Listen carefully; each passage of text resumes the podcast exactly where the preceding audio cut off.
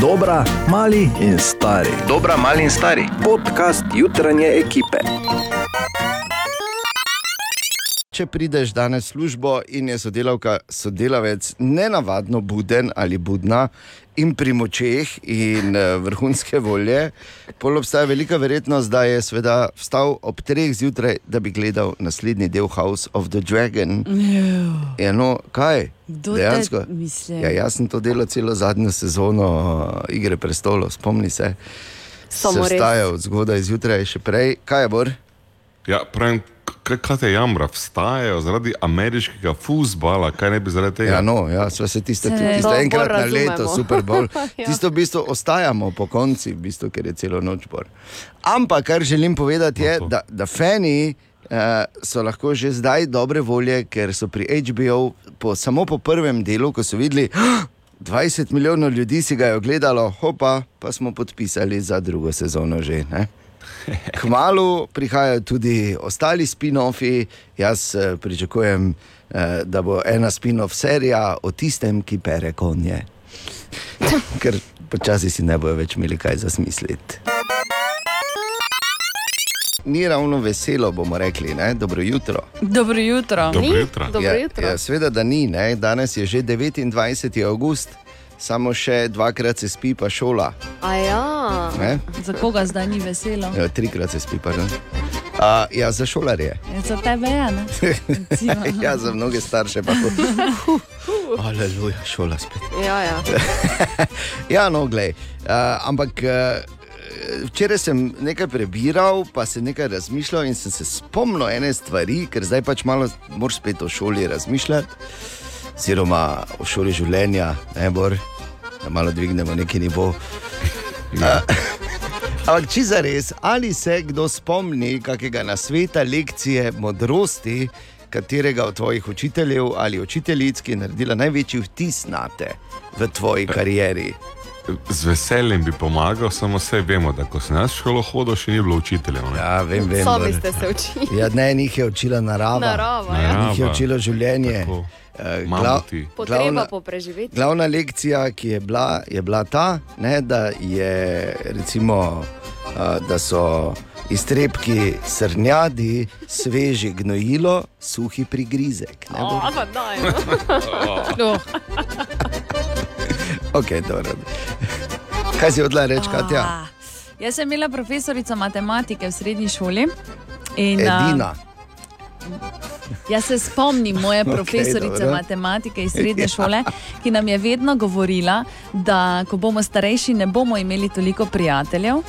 Da bodo ostali tisti samo ta pravi, in da vedno, čeprav se morda z njimi ne boš videl več mesecev, potem, ko se boš videl, bo enako, kot da si se z njim pogovarjal, oziroma z njo pogovarjala včeraj. In Ja, meni je bilo to ful smešno takrat, ne?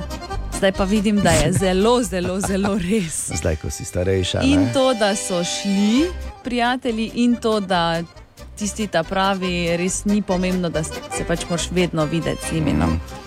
Ja, pa tudi je tako, da uh, eni pač eh, plačajo, ko se dobijo, eni pa so vedno isti, pa nikoli ne. ne. Pa daj.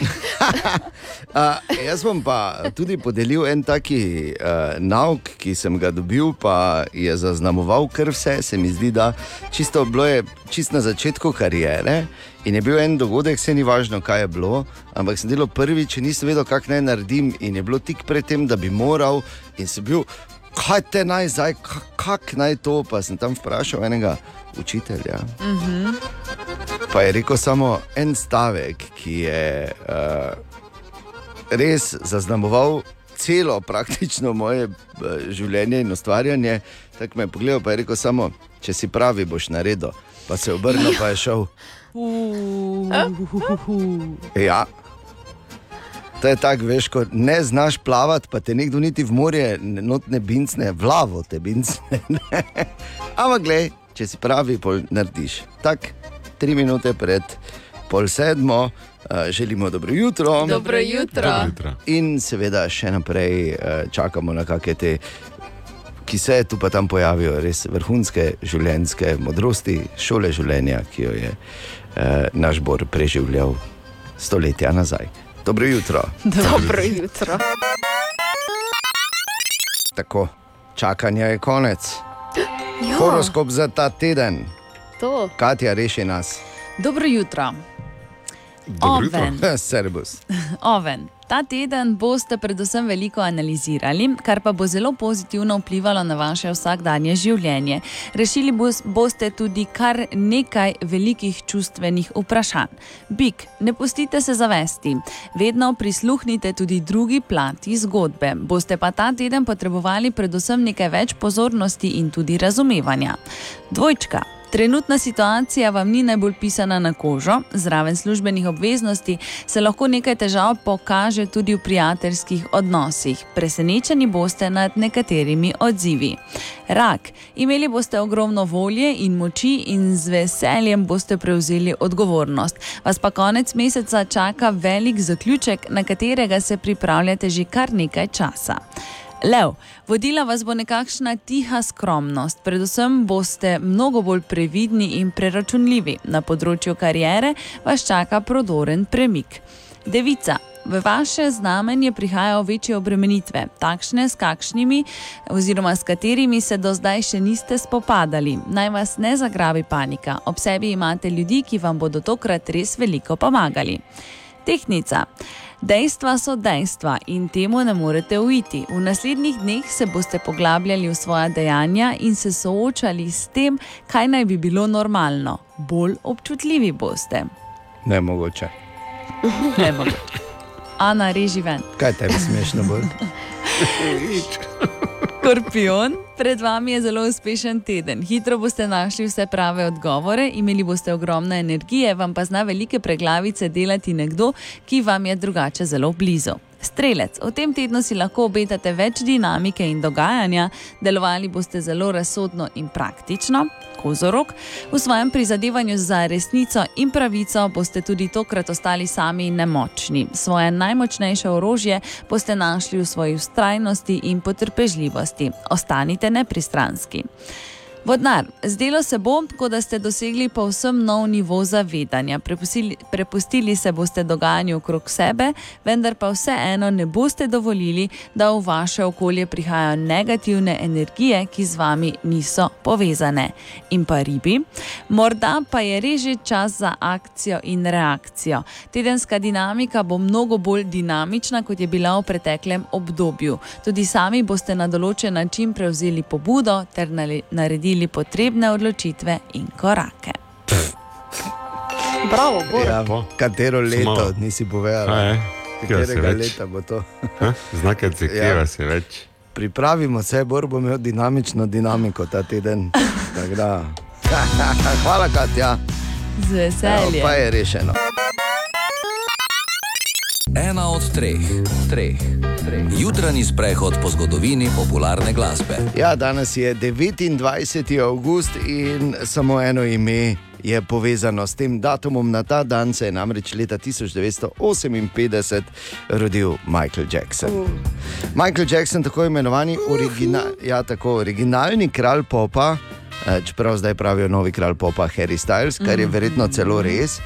Uh, ampak Michael Jackson je bil ta, ki je v bistvu bil prvi, ki je zares, uh, bom rekel tako, osvojil svet. Pa, uh, in je bil izjemen, jasno, da izjemen pevec, izjemen glasbenik. Uh, ampak uh, v pač tej sferi, ki se spomnim, ko smo to odraščali, 80, 90, Michael Jackson. Ne, če imamo body count ali pa veš, pa tak to ste pa- vi? Michael Jackson. Pff, ha, halo. Ja, takrat je eh, svet bil dosti bolj segregiran, kar se glasbenih stilov tiče. Ampak Michael Jackson je jasno, da svojo kariero začel z svojimi brati v Jackson 5, potem so se imenovali kasneje The Jacksons. Michael Jackson, ki je postal pop ikona, ko je stopil na solo glasbeno pot in populariziral. Zdaj, eni pravijo, da jih je iznašal, ampak mi vemo, da je obstajal mlad fant v Mariboru, ki je veš, moonwalkal po Frankolovski, ki je večkrat skočil. Ja, ko je bil mali, veš, ko je večkrat skočil tako na špičke in predvsem imel tisti gib, ko se pač prime za mednožje in z odločnim potiskom naprej izrazi oziroma poudari nek trenutek. No, vse to je Michael Jackson kasneje populariziral. Pardon, Bor. Nič, nič, Sploh vredno je. Da ni. sploh ni, Ja. da je vredno. Ja, pustimo, Daj, gremo dalje. ja. Lala. Michael Jackson, ki je na solo glasbeno pot torej stopil v začetku 80-ih in dobil kar 8 gremijev in uh, bil absolutno najbolj prodajan glasbenik svojega časa. S hiti, kot so denimo bili.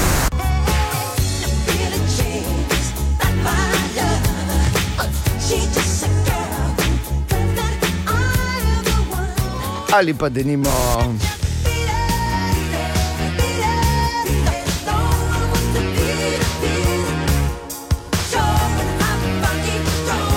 Ali pa recimo ta, za katerega inspiracijo je našel v pubecih pod pohorjem.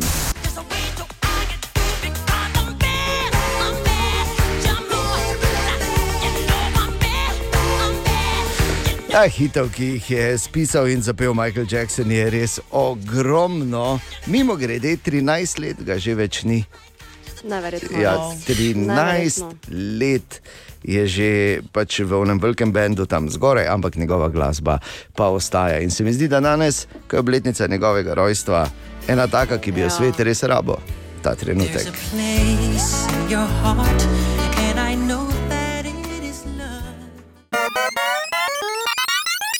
Želimo dobro jutro. Dobro Dobro jutro. jutro. In uh, danes je tudi ena posebna obletnica. Moram reči, da je tudi mene presenetilo. In sicer 25. rojstni dan praznuje Netflix. 25. Ja, 25 let. Ja. Začel je, se je Netflix takrat, pravzaprav sovpada to, ko so začeli na veliko izdajati filme na DVD-jih. In ker moramo vedeti, vedeti, to ne boste verjetno vedeli, ker ste tako mladi, ampak to je bila najprej videoteka, ki je imela en poseben ali pa originalen poslovni model in sicer si preko spleta si naročil ali pa pač prek telefona, kakorkoli že, vsi še takrat tudi niso imeli interneta. Um, si si naročil film ali pa filme, in pol so ti DVD-je poslali po pošti, in pol si ti pogledal in si dal nazaj v to, to škatlico. In si poslal nazaj jim, ko si pač pogledal, ne vem, koliko dni si pač lahko imel to doma. Tako je Netflix začel. Nismo vedeli, ne? Ne, res ne. Kaj se vse nekaj ne naučiš? Ne? Recimo, mi dva zborom smo živela skozi ta proces Netflixa, Ja. dokler seveda ni, dobro, pri nas v Sloveniji nikoli ni bil. Ni ne. se pošiljala, ti si šel po. Ja, ja. Ne, ampak- Vedel pa si, da delajo to. Ja. Ja, videli smo, da to delajo in da smo se menili, gledaj, kakšna videoteka, gledaj te američane, kako se jim da to pošiljati, pa na pošto hoditi. Ampak gledaj, kaj je iz tega nastalo. Ja, dejansko. Kar je zanimivo, da so recimo, ko so začenjali pri Netflixu, da so uh, mnogi želeli, ker se jim ni, ne vem zakaj pač, so hoteli DVD-je jim osebno nazaj nositi, oni pa niso eh, to želeli, skratka, in so imeli lokacije svojih skladišč uh, skrivne. Da jim ne bi tam A hodili, pa cinglali. Pa, ne, oni, edini način poslovanja, ki je bil, je bil po pošti. Oni niso imeli nobenih takih poslovalnic, nobenih zaposlenih tam, ki so pregledali vse filme, pa vse porno filme in so imeli informacije o vsem, tako kot je bilo včasih v videotekah. Uh, Mili so, se spomnim, tam ob koncu 90-ih, ko je bila tista velika uh, afera z Moniko Levinskim in Billom Clintonom, so imeli en spodrsljaj in sicer takrat uh, so si mnogi lahko na DVD-ju uh, naročili pač to opravičilo Billa Clintona, v katerem je on to pač rekel, pa bla, bla, bla. in avtomatsko so jim pošiljali pač en, en pornofilm, ne, namesto tega je bilo v koncu 90-ih. Kar ni povsem neprimerno, roko na srce. Ne. glede na vsebino. Tematika. Ne? Ja. A, svoj čas so imeli tudi eh, narejen prototip pri Netflixu posebnih zoknov, ne, ki bi zaznali, da si za, zakinkal medtem, ko si gledal njihovo vsebino in bi naredili pauzo. Z oknom. Z okni, ja. Ampak eh, nikoli se ni, verjetno zato, ker je en zok imel 12 kg, ker je imel not akumulator, ne. pa kabel si mogel potegniti, pa vse. Agregacija. In pa še ena morda zanimivost ob eh, 25. obletnici Netflixa, ki je prav danes. Pravijo, da če bi med vsemi njihovimi uporabniki vzel na ključna dva, iz celega sveta, ne, se pravi, ne samo zdaj v nekem mikrookolju, uh -huh. ampak med vsemi uporabniki, če vzameš na ključna dva, obstaja vsaj šest oddaj, eh, dokumentarcev ali filmov, ki sta jih že eh, Oba. streamala, oba. Veš? Na ključna dva imata vsaj šest uh, skupnih uh, vsebin, ki sta jih pogledala. Netflix, sicer, ki mu zdaj ni lahko, v blizu absolutni monopolisti od začetka, zdaj pa v vseh ostalih streaming servisih eh, bijajo težko bitko, uh -huh. ampak vseeno imajo kar nekaj zanimivih in originalnih vsebin. Če bi moral zdaj izpostaviti prvo, bi rekel zdaj iz glave. Stranger Things, pa vse od Davida Šepela, kar imajo gor. Ampak, uh, ja, Ful dokumentarcev o mačkah. to, recimo. ja, to To ne razumem, ni, nikoli ne bom razumel. Uh, skratka, Netflix je danes star 25, tako da postrimaj kako pa pač. Praz, Happy praznuje. Za- za želje ne? vse In, najboljše. za, in praznujemo. Še za vse geeke hitre informacije o zoknih, Netflix jih ne prodaja, je pa načrt na internetu, kako jih narediti. Edina problem je, da moraš imeti noge na tleh, ne? takoj ja. ko jih stegneš, pauza. Je fair. Kako cool. Kar je logično, ne? imaš kratke pauze, imaš pa tudi eno večno pauzo, ne? ko stegneš. Torej, Netflix, vse najboljše. Eno vprašanje pa imam zdaj za vaju, Katja in Ana. Okay. Povej. In sicer ta eh, nova Rijanina šminka. To ste zagotovo videli, ne? da je kot kečap. Ne. Ja. Ja. Je tako pakirana, in kar je zanimivo, če jo naročiš, dobiš eh, kar nekaj teh paketkov, uh Mhm. -huh. in v nekaterih je not šminka, v nekaterih je pa prav kečap. Ja, ne. tako. da moraš paziti, kaj si daš hrenovki. ne. Ampak, Je ampak kar ne. pa to me zdaj zanima, pa kako si te to gor mažeš? Ja, to bi jaz se vprašala nazaj isto. Ker to je v oni vrečkici. Noter, Ja, ne? vrečkici od kečapa, tako je Kaj si tisto, to pol stisneš gor po ustih? Ja, ne. To gre vse mimo, veš? Ja, Tiste prave make-up artistke si po mojem namažejo Ma z čopič. čopičom. ne? Čopičem. Ja. A tako še moraš imeti čopič, pa vse. Ja. No, ker jaz sem to si predstavljal, ko sem gledal, se ne zdaj, da bi se jaz šminkal, vse ne pogosto. Ampak, eh, ampak veš, da si odpreš, pa stisneš in to da Ja. ven, naredi Saj ven. To na nasliki ima tako. In pol imaš kup, ne, in kaj bo zdaj s tem kupom. In pol se razmišljaš, ali si daš ta kup na eno površino, pa tako gor stisneš. Ja, pa kaj je, tako, je, ja. in imaš pol ne. Ja, dobra ideja. Kaj če pa- bi mi dve naročili, da je na to Ja, da probam. Ja. Ne? Ja. Ampak eh, ne, ker ona ima res vedno perfektne, take, eh, ne, bomo rekli, čut, čutne, debele, lepo namazane usnice. Ne? Žnable. Ja. Ja, no, no, no, no. Ja. Tako se reče. Okay. Smo malo starejši, pa malo ven iz te scene. Skratka, je relativno nepraktično. Ne? Je. Okay. Potrjuje. Moramo to zdaj zelo, slinke ja. na teče, dol tako kečap, verjetno, kaj ne. Je, ampak ona pride ven, ne? in ona, ko pride ven, ona hoče nekam iti, ne, se veš. Ne? In Pač, okay, dobro, pač, moral sem vprašati, se ne zdaj za sebe. Ampak veste, imam uh, enega uh, županskega kandidata, ki pač mora imeti vse baze pokrite. ne. A, Če slučajno te pa pride do reči. debate potem v mestnem svetu, ne, da potem lahko. Ne, ker, eh, pomembne so tudi teme za ženske, absolutno. Ne, Seveda Tako. za nego in, uh, in vides. Hvala lepa.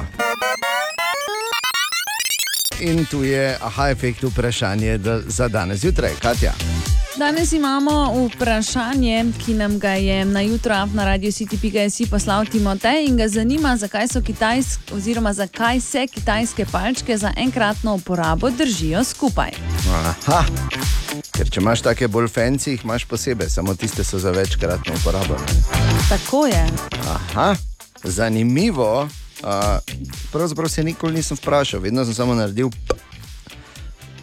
Pol sem pa probal, ja, ne, pol sem pa probal, uh -huh. pol pa sem vzel vilco. Ja, To, to, je, to je moj, ja. moj proces v To je to, kitajski ja. restavraciji. Klasika. Očitno nisem edini, ok, v O, high ne. efektu. Aha, aha, aha, efekt. Torej, Bor danes odgovarja na vprašanje Timoteja, ki ga zanima, zakaj se kitajske palčke za enkratno uporabo držijo skupaj. Logičen odgovor bi bil, ker les tako raste. Ne? Ja, Ne, mislim. Le že raste skupaj, ampak palčki, ki imajo skupaj, imajo še eno pomembno lastnost in to je ta, da s palčkami, ki so sprete skupaj, tak ne moreš jesti. Prva stvar, ko narediš s takimi palčkami, je, da jih Razlomiš. razlomiš na razen. Kar pomeni, da palčke, ki so za enkratno uporabo, samo te so take. Zato, ker običajno kitajske palčke, te malo bolj kvalitetne, prihajajo vsaka v svojem kosu lesa. Ne? Ampak te za enkratno uporabo so pa od zgoraj sprijete in samo zato so se tako razširile, zato ker absolutno, če imaš palčke, ki so skupaj sprijete, veš, nobenih ni vzel, nobenih ni oprav, nobenih ni skup za lepo, ne? Ja. ampak si dobo friški. prve, originalne in neuporabljene.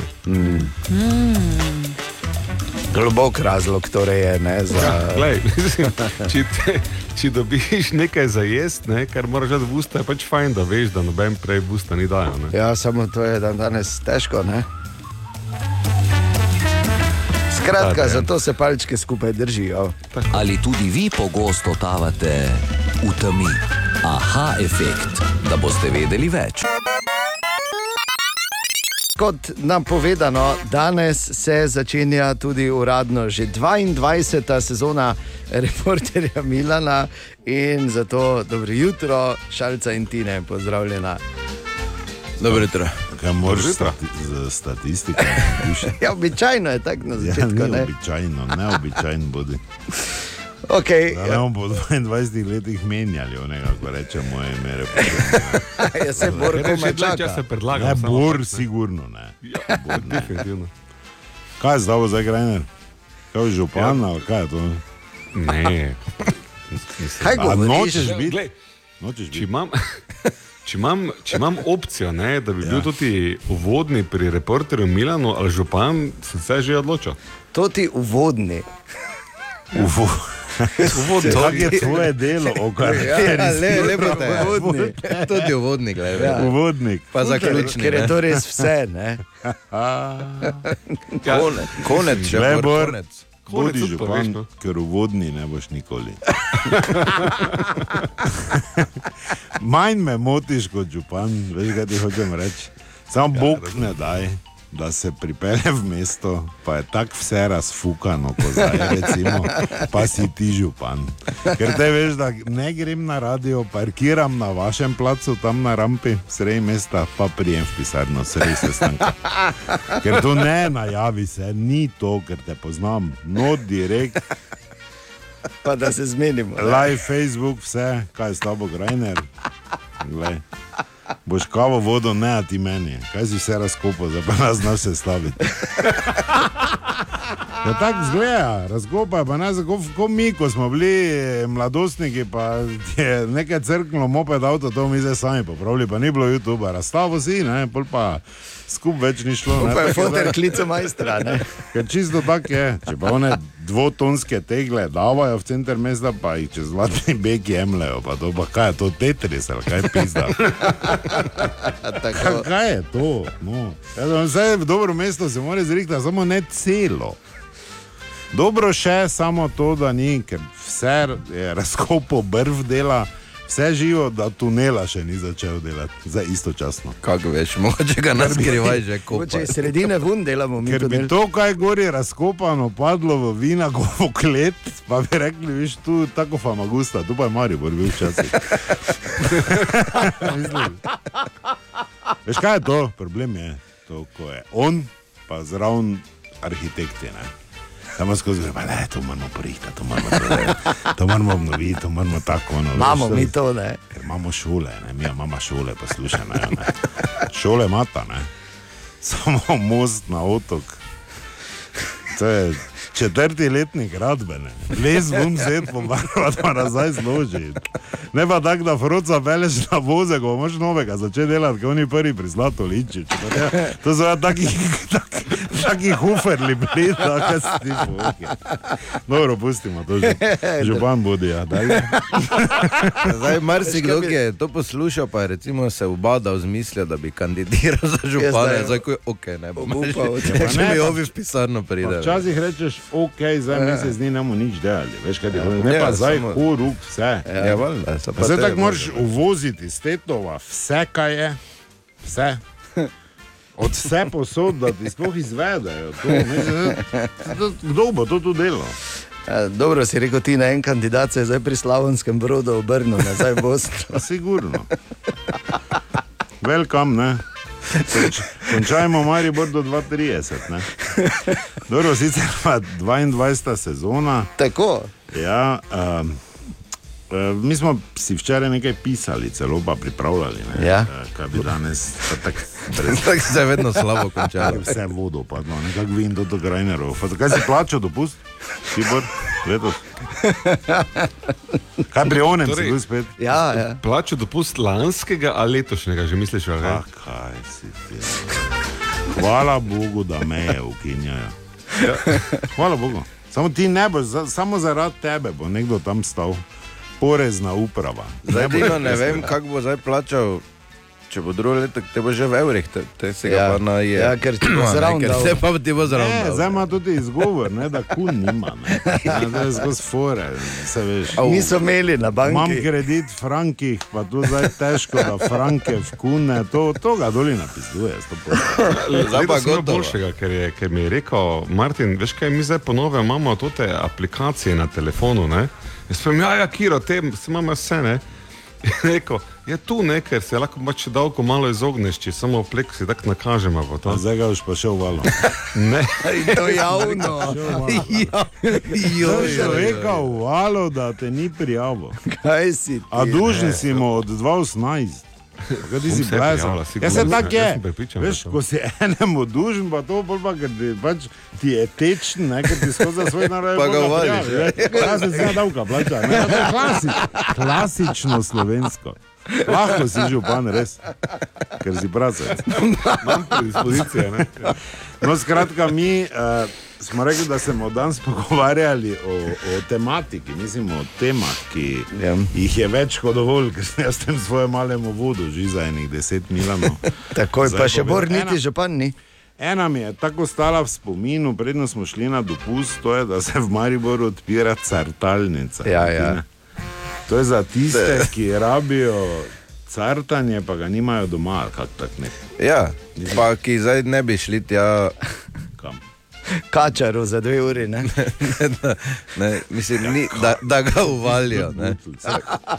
Vedno si moraš kačaro nekoga pelati, ne te kačaro. Ja, no, ampak ta je bila crtalnica, do Ali tega ti, pomeni. ali ti greš, ko si žalosten, kačarju 205, pa se pocartaš malo sam.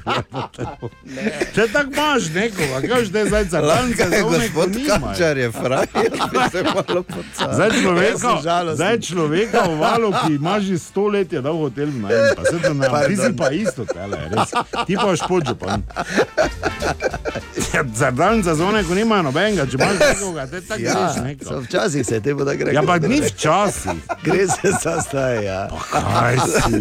Zdaj imaš neko kačaro se hodi Sam. Kačar, da sem hodil car sam.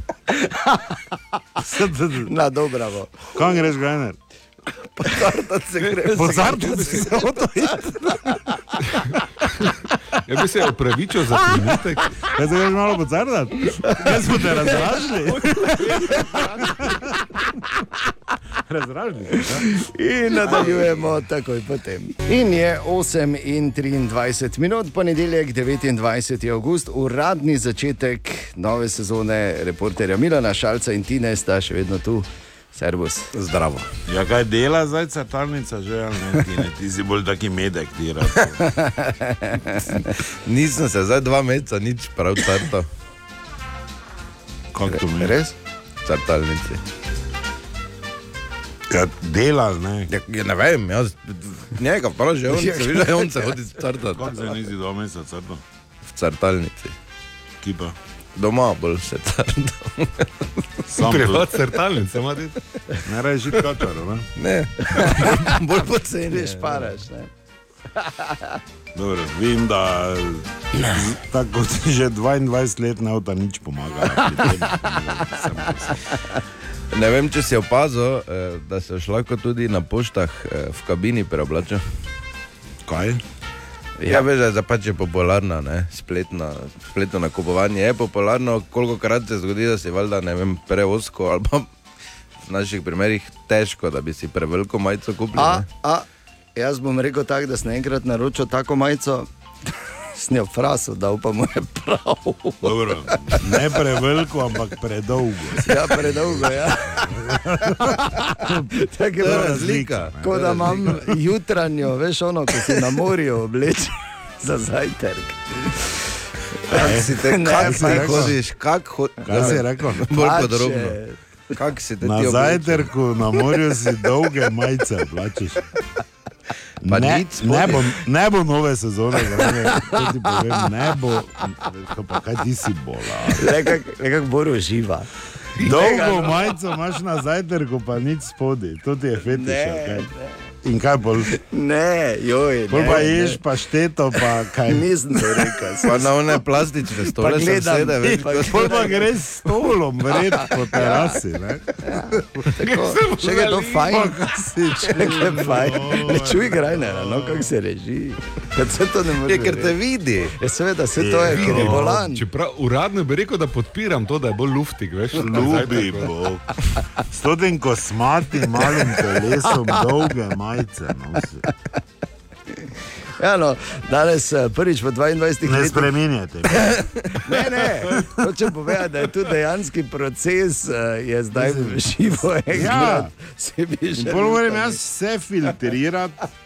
Pa te nekako pošto naredi, ki ima kabine. Zakaj bi se nekdo na pošti, že kar Ja, pravi, da da lahko, ne bi šel domov? Ja, da lahko takoj nazaj pošlješ. Ne? Zaradi tega, ker tisti, ko pač nimajo te možnosti, je, dal, je ful daleč, če gre v kačara, si probat. Ne, da boljše je na pošti. Dalje ti ne?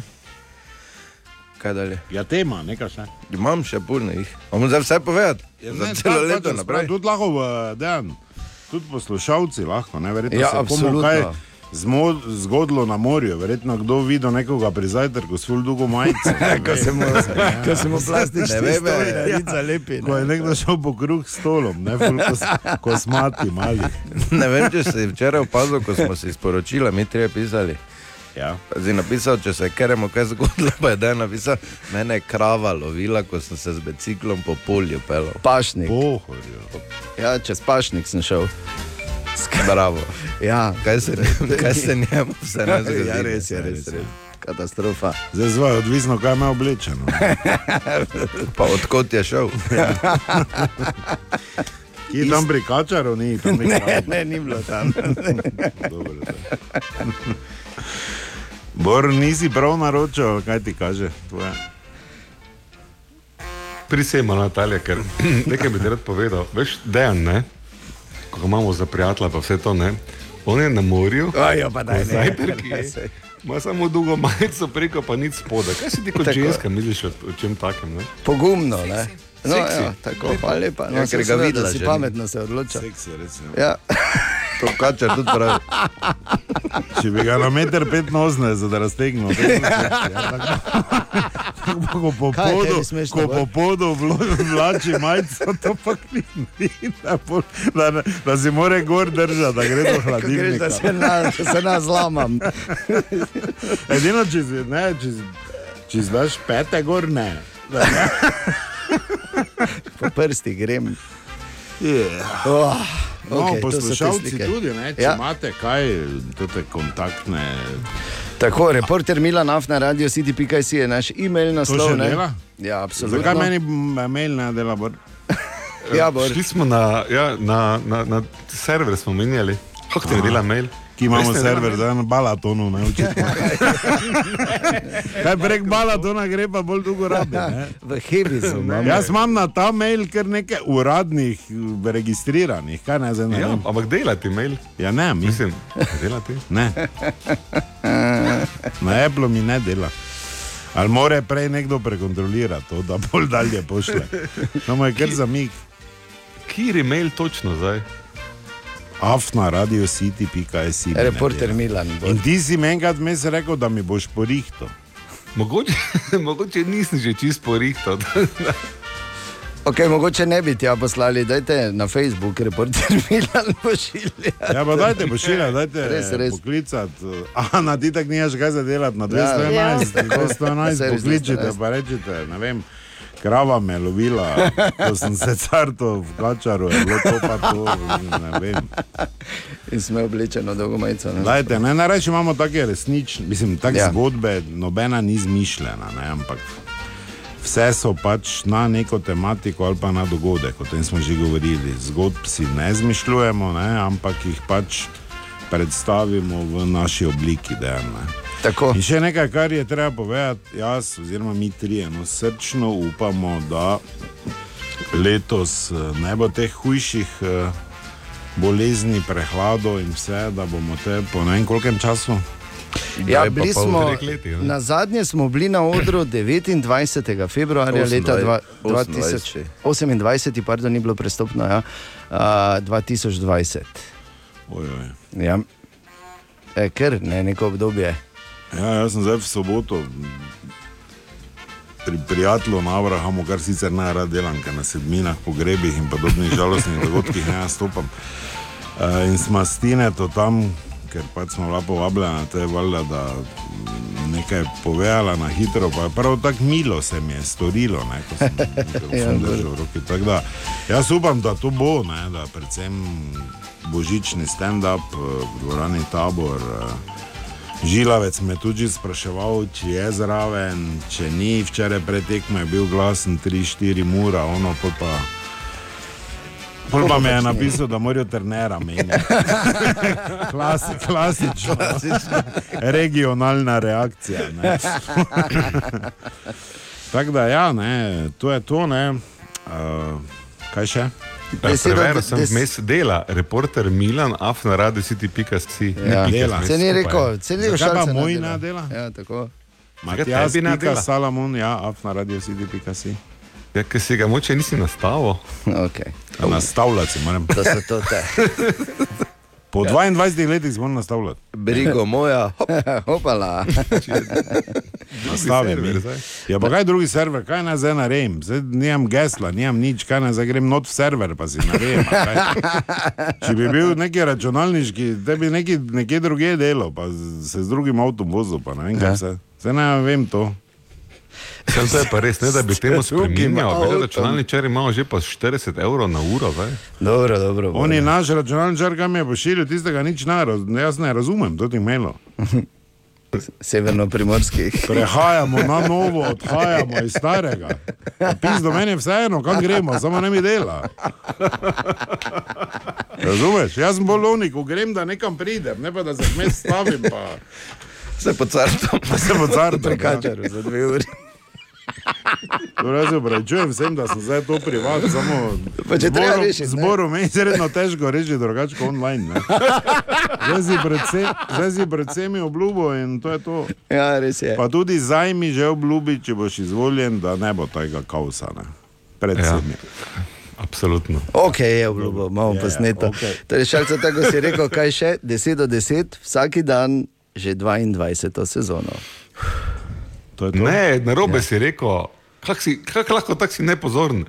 10 do 10, vsako sezono že 22 let. Kred, ne? Kaj pa je Kaj? zdaj drugače? Ja, ja, Rimalo se mu ni, ne? Župana, je, veš. Je, ne, šlo je. Obrača, obrača besede. Veš, samo. Kaj puveca, hvala okay. lepa. Ajde. Dobro jutro želimo. Dobro jutro. Torej, trenutno stanje na cestah, Ana si rekla, je relativno tekoče. Ja, nič kaj ekstra se ne dogaja, kar je dobro. ja tako saj v tem našem svetu, ne? v Upside Downu pa je verjetno drugače. Ne?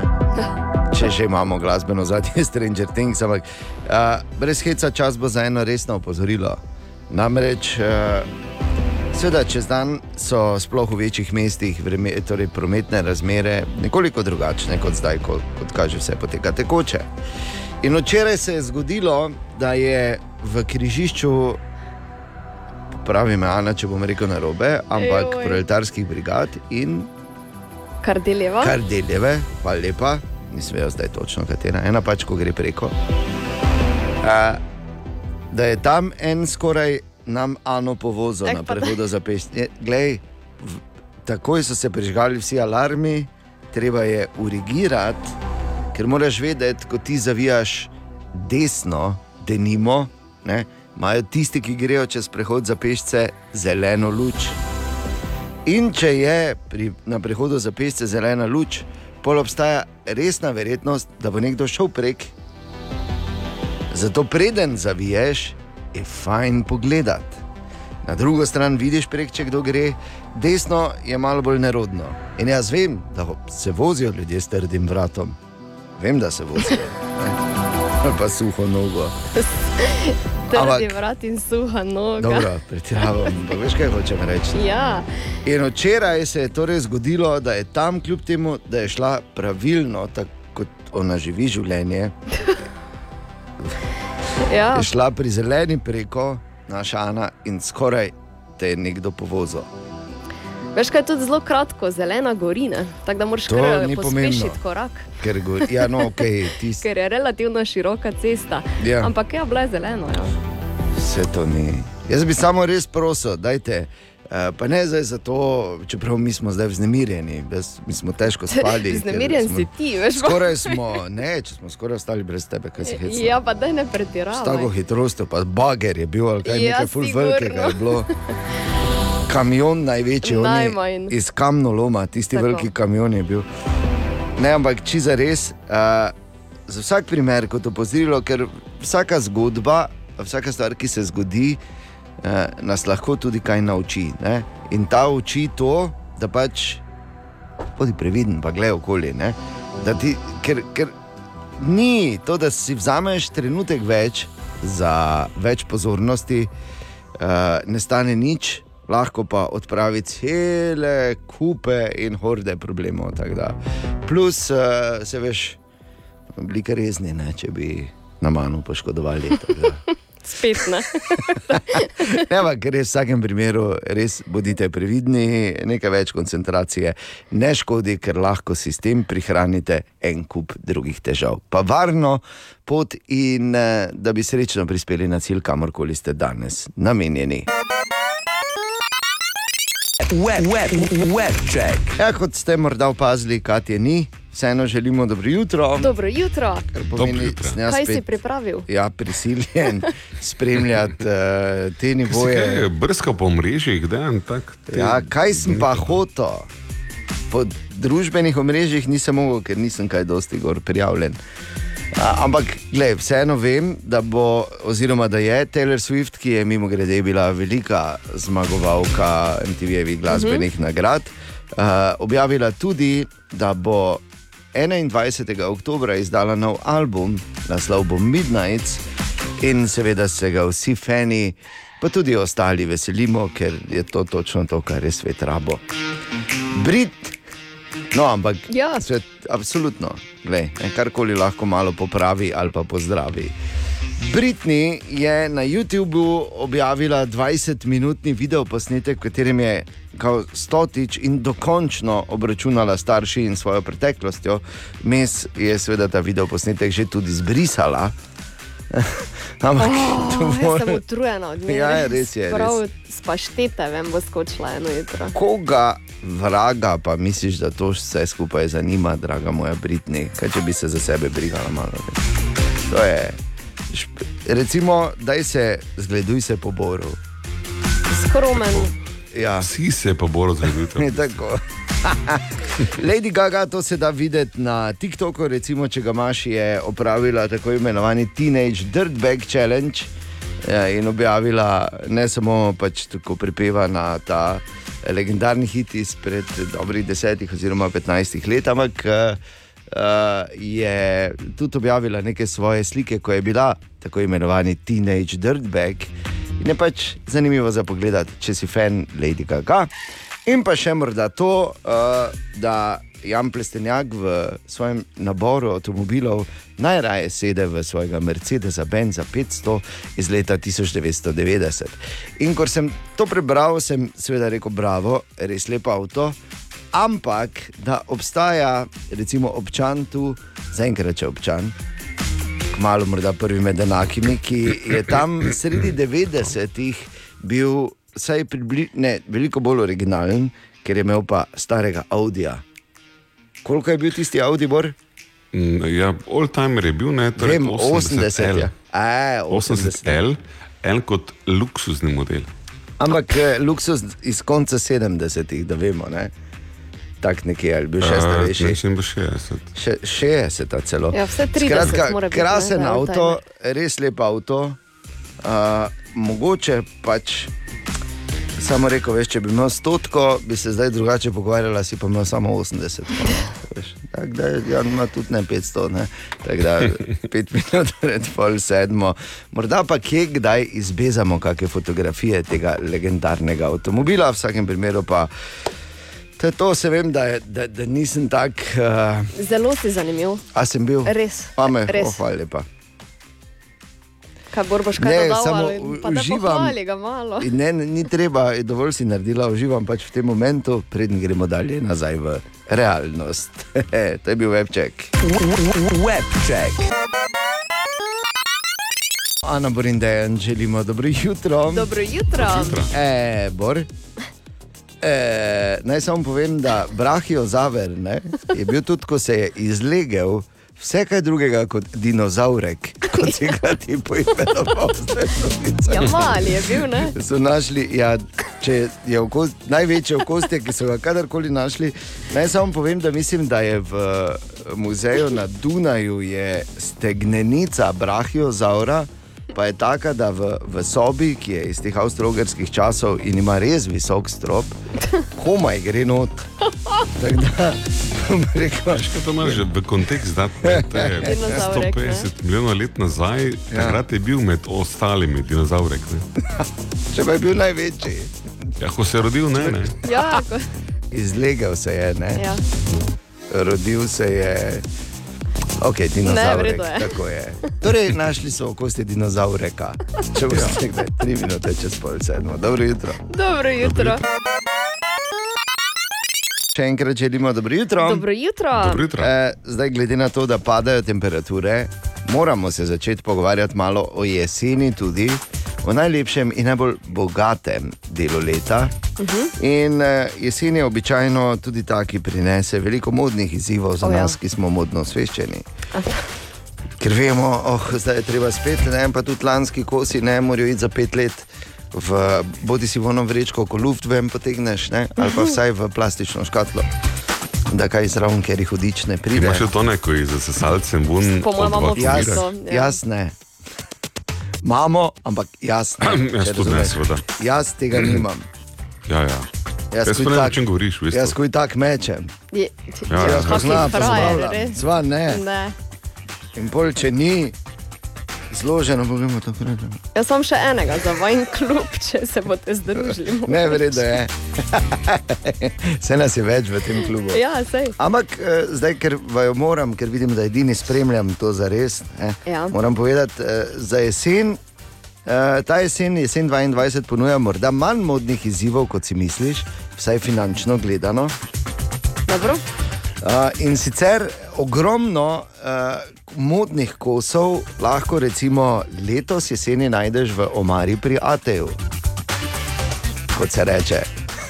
To ni metafora, to dejansko Iz mislim. katerega leta jih iščemo? Ne, ne, pazi, se ne gre toliko za to, iz katerega leta, gre za to, katere kose. Če rabiš torej prevelik sako, ki ga najdeš, velja za punce, predvsem. Ne? Ker eh, prevelik sako je, recimo, ne pol, če rabiš kako vintage kravato ali pa malo bolj Široko osko kravato. če ne, bi s kravatami hodili. ne osko, prosim. osko. Veš, Ker zdaj zdaj. to kaj vintage, oska ali široka. Okay, pardon. Veš, ker se že parkrat zamenjala vintage na vintage. Ja, ne? ja, res je. Ja. No, ampak pač kravato in, in eh, recimo jo nosiš na eh, srajco, kratke hlače, pa vse, ampak jo ne smeš imeti zategnjeno gor, ne samo tako, da ti potegnjena malo. kravata. Ja, veš, tako lus, Pomagaj. lus, kot da si medaljo dobil, ne, veš, tako ti da. Oh, ne. Pot, široka loska, vseeno katera kravata, potem recimo prevelika srajca, to bo to jesen moderno, Dobro, to okej. najdeš v uh, ATV omari in pa um, brezrokovnik od obleke, oziroma rekelc, ne, Lajbič. lajbič. To, Bor, to pa imaš. ja. Le, vse to imam. To punce, punce to nosijo na kratko krilo, z nič spodaj, recimo, ne? ali pa na dolge hlače z diskretnim modrčkom. Ne? Skratka, ogromno, ogromno letos najdeš v omari pri Ateju. Tako da, kot se rekel, ta modna jesen 22 prinaša nekoliko manj izzivov, kot so jih jeseni pred njo. Brezplačno. Hvala, ni hvala, problema. Ena od treh, treh, treh. Jutranji sprehod po zgodovini popularne glasbe. In 30. avgust je tudi datum, ko je obletnica rojstva Johna Philipsa, oziroma Papa John Philips so ga tudi imenovali. 30. avgusta leta 1935 je, je torej rojen in danes bi praznoval svoj 87. rojstni dan. Če ne bi praktično pred dvema desetletjema že šel špila dvojni veliki bend tam zgoraj, John Čakaj, Philips. čakaj. Kaj? To je oni iz Mamas and the Papas. Točno ta, zato, zato tudi Papa John Philips, bravo. Si rekel že to, kaj? Ja, sem ja. Ampak Prehiter si. Ja, zgodaj je, se vem. se vem. Prehiter? Prehiter. Se na občini se ne začne nič pred deveto. Ampak kar hočem reči, je, da je John Phillips s svojo skupino bil član tega. eh, Pravzaprav ena od gonilnih sil, vsaj v glasbenem smislu tega Flower Power eh, gibanja, ob koncu 60-ih, pa potem začetku 70-ih še vedno. In to, bil, to so bili zlati časi, kot je skrušeno. Danes zjutraj Ana ugotovila, ko eh, nekaj raziskovala na to temo, je rekla, pa se ta ni delal drugega, kot uh, se zadeval in brusil. Ja, Kot da še kaj drugega v življenju je, glih tako. Eh, da. Sploh v 60-ih, če si bil takrat znan in slaven. To... Legendarne so zgodbe o teh zabavah, ki so jih eh, organizirali, oziroma ki jih je organiziral Papa John Phillips, eh, na katerih si redno videl tudi vem, Rolling Stones, Beatles, vse ostale velike face, glasbene face tistega časa. To, ko si prišel noci, pa je dobil najprej uh, listke z LSD-jem. ne, Pa eno skledico belega, če bi se kepal, ne? slučajno, če ti Ojej. ja, to je že na vhodu, pol pa dalje hali gali. Ampak glasba, legendarna. Ali Ja, no, Ali ga. tako, s hiti, kot so denimo bili Monday, Monday. Oh, Monday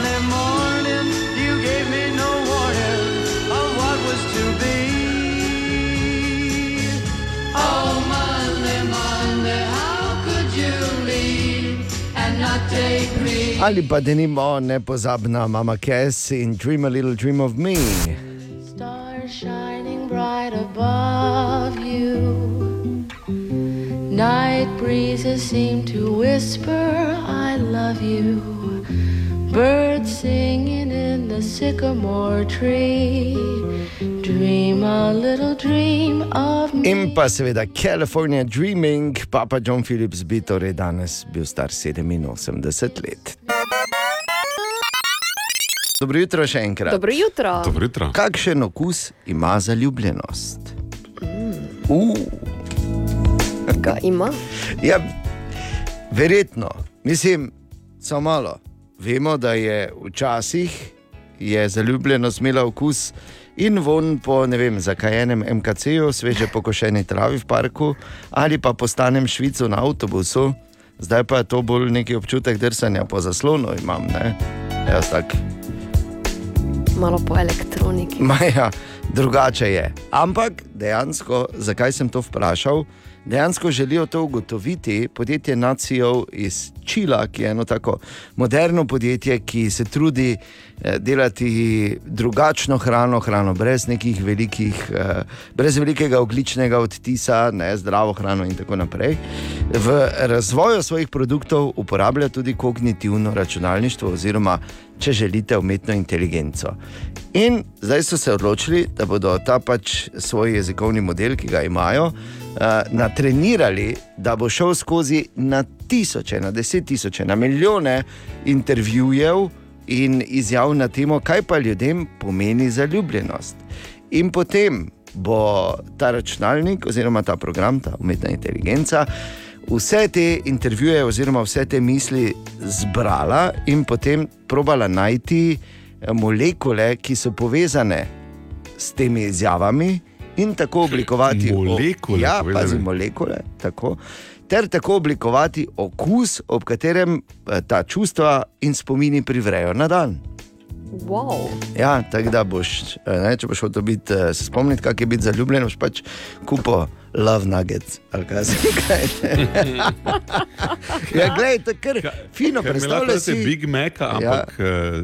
Love prvo Mac. Pa, ljubezni, ja. love Love nugget. Mac. Ja, z- love Love. Mac nuggets. Love Mac.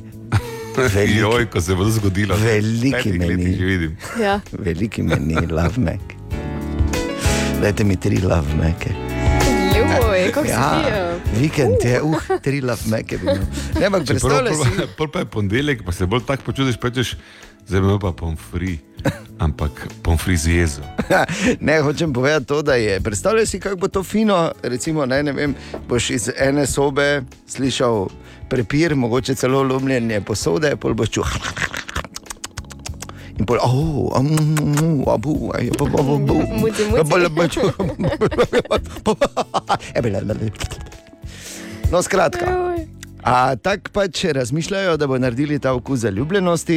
E, verjetno lahko kmalo pričakujemo tudi druge okuse za srečne in lepe spomine, menda pa bodo imeli tudi linijo za mazohiste z okusi, Tako. kot so matematična kontrolka, nenapovedana odpoved delovnega razmerja in pa mali prst, vso silo obrob pohištva.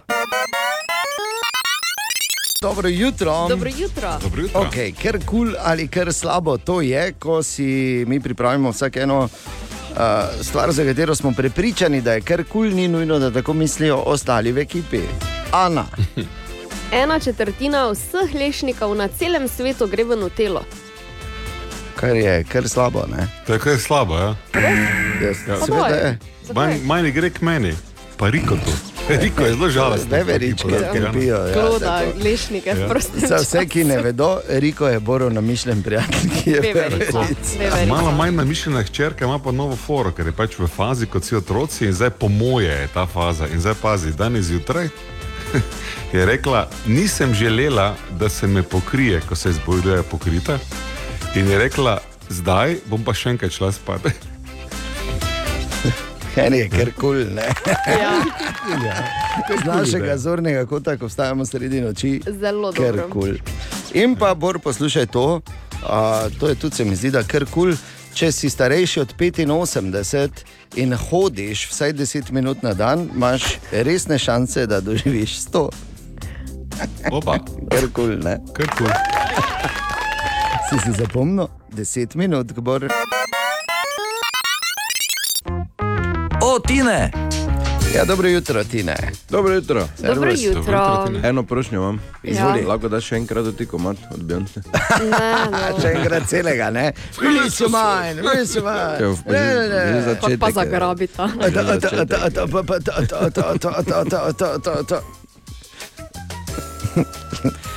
Mogoče ne bi dali še enkrat, ne preveč To doživljali. ti ni rad Imamo čisto kratko debato, ker ali isto razumemo, ko reče tam release yourself, in reče ne. Tako. Ne vem, Bor, to ti Ni poznaš. release tekste. your Se, soul. ali spusti se, ali izpusti se. Ali... Pusti ga. Ja, ti veš, kako je to. Že v teh letih, ko releasaš nekontrolirano. Ne vem, če je ravno inkontinenca imela misli, ampak dobro. Ne.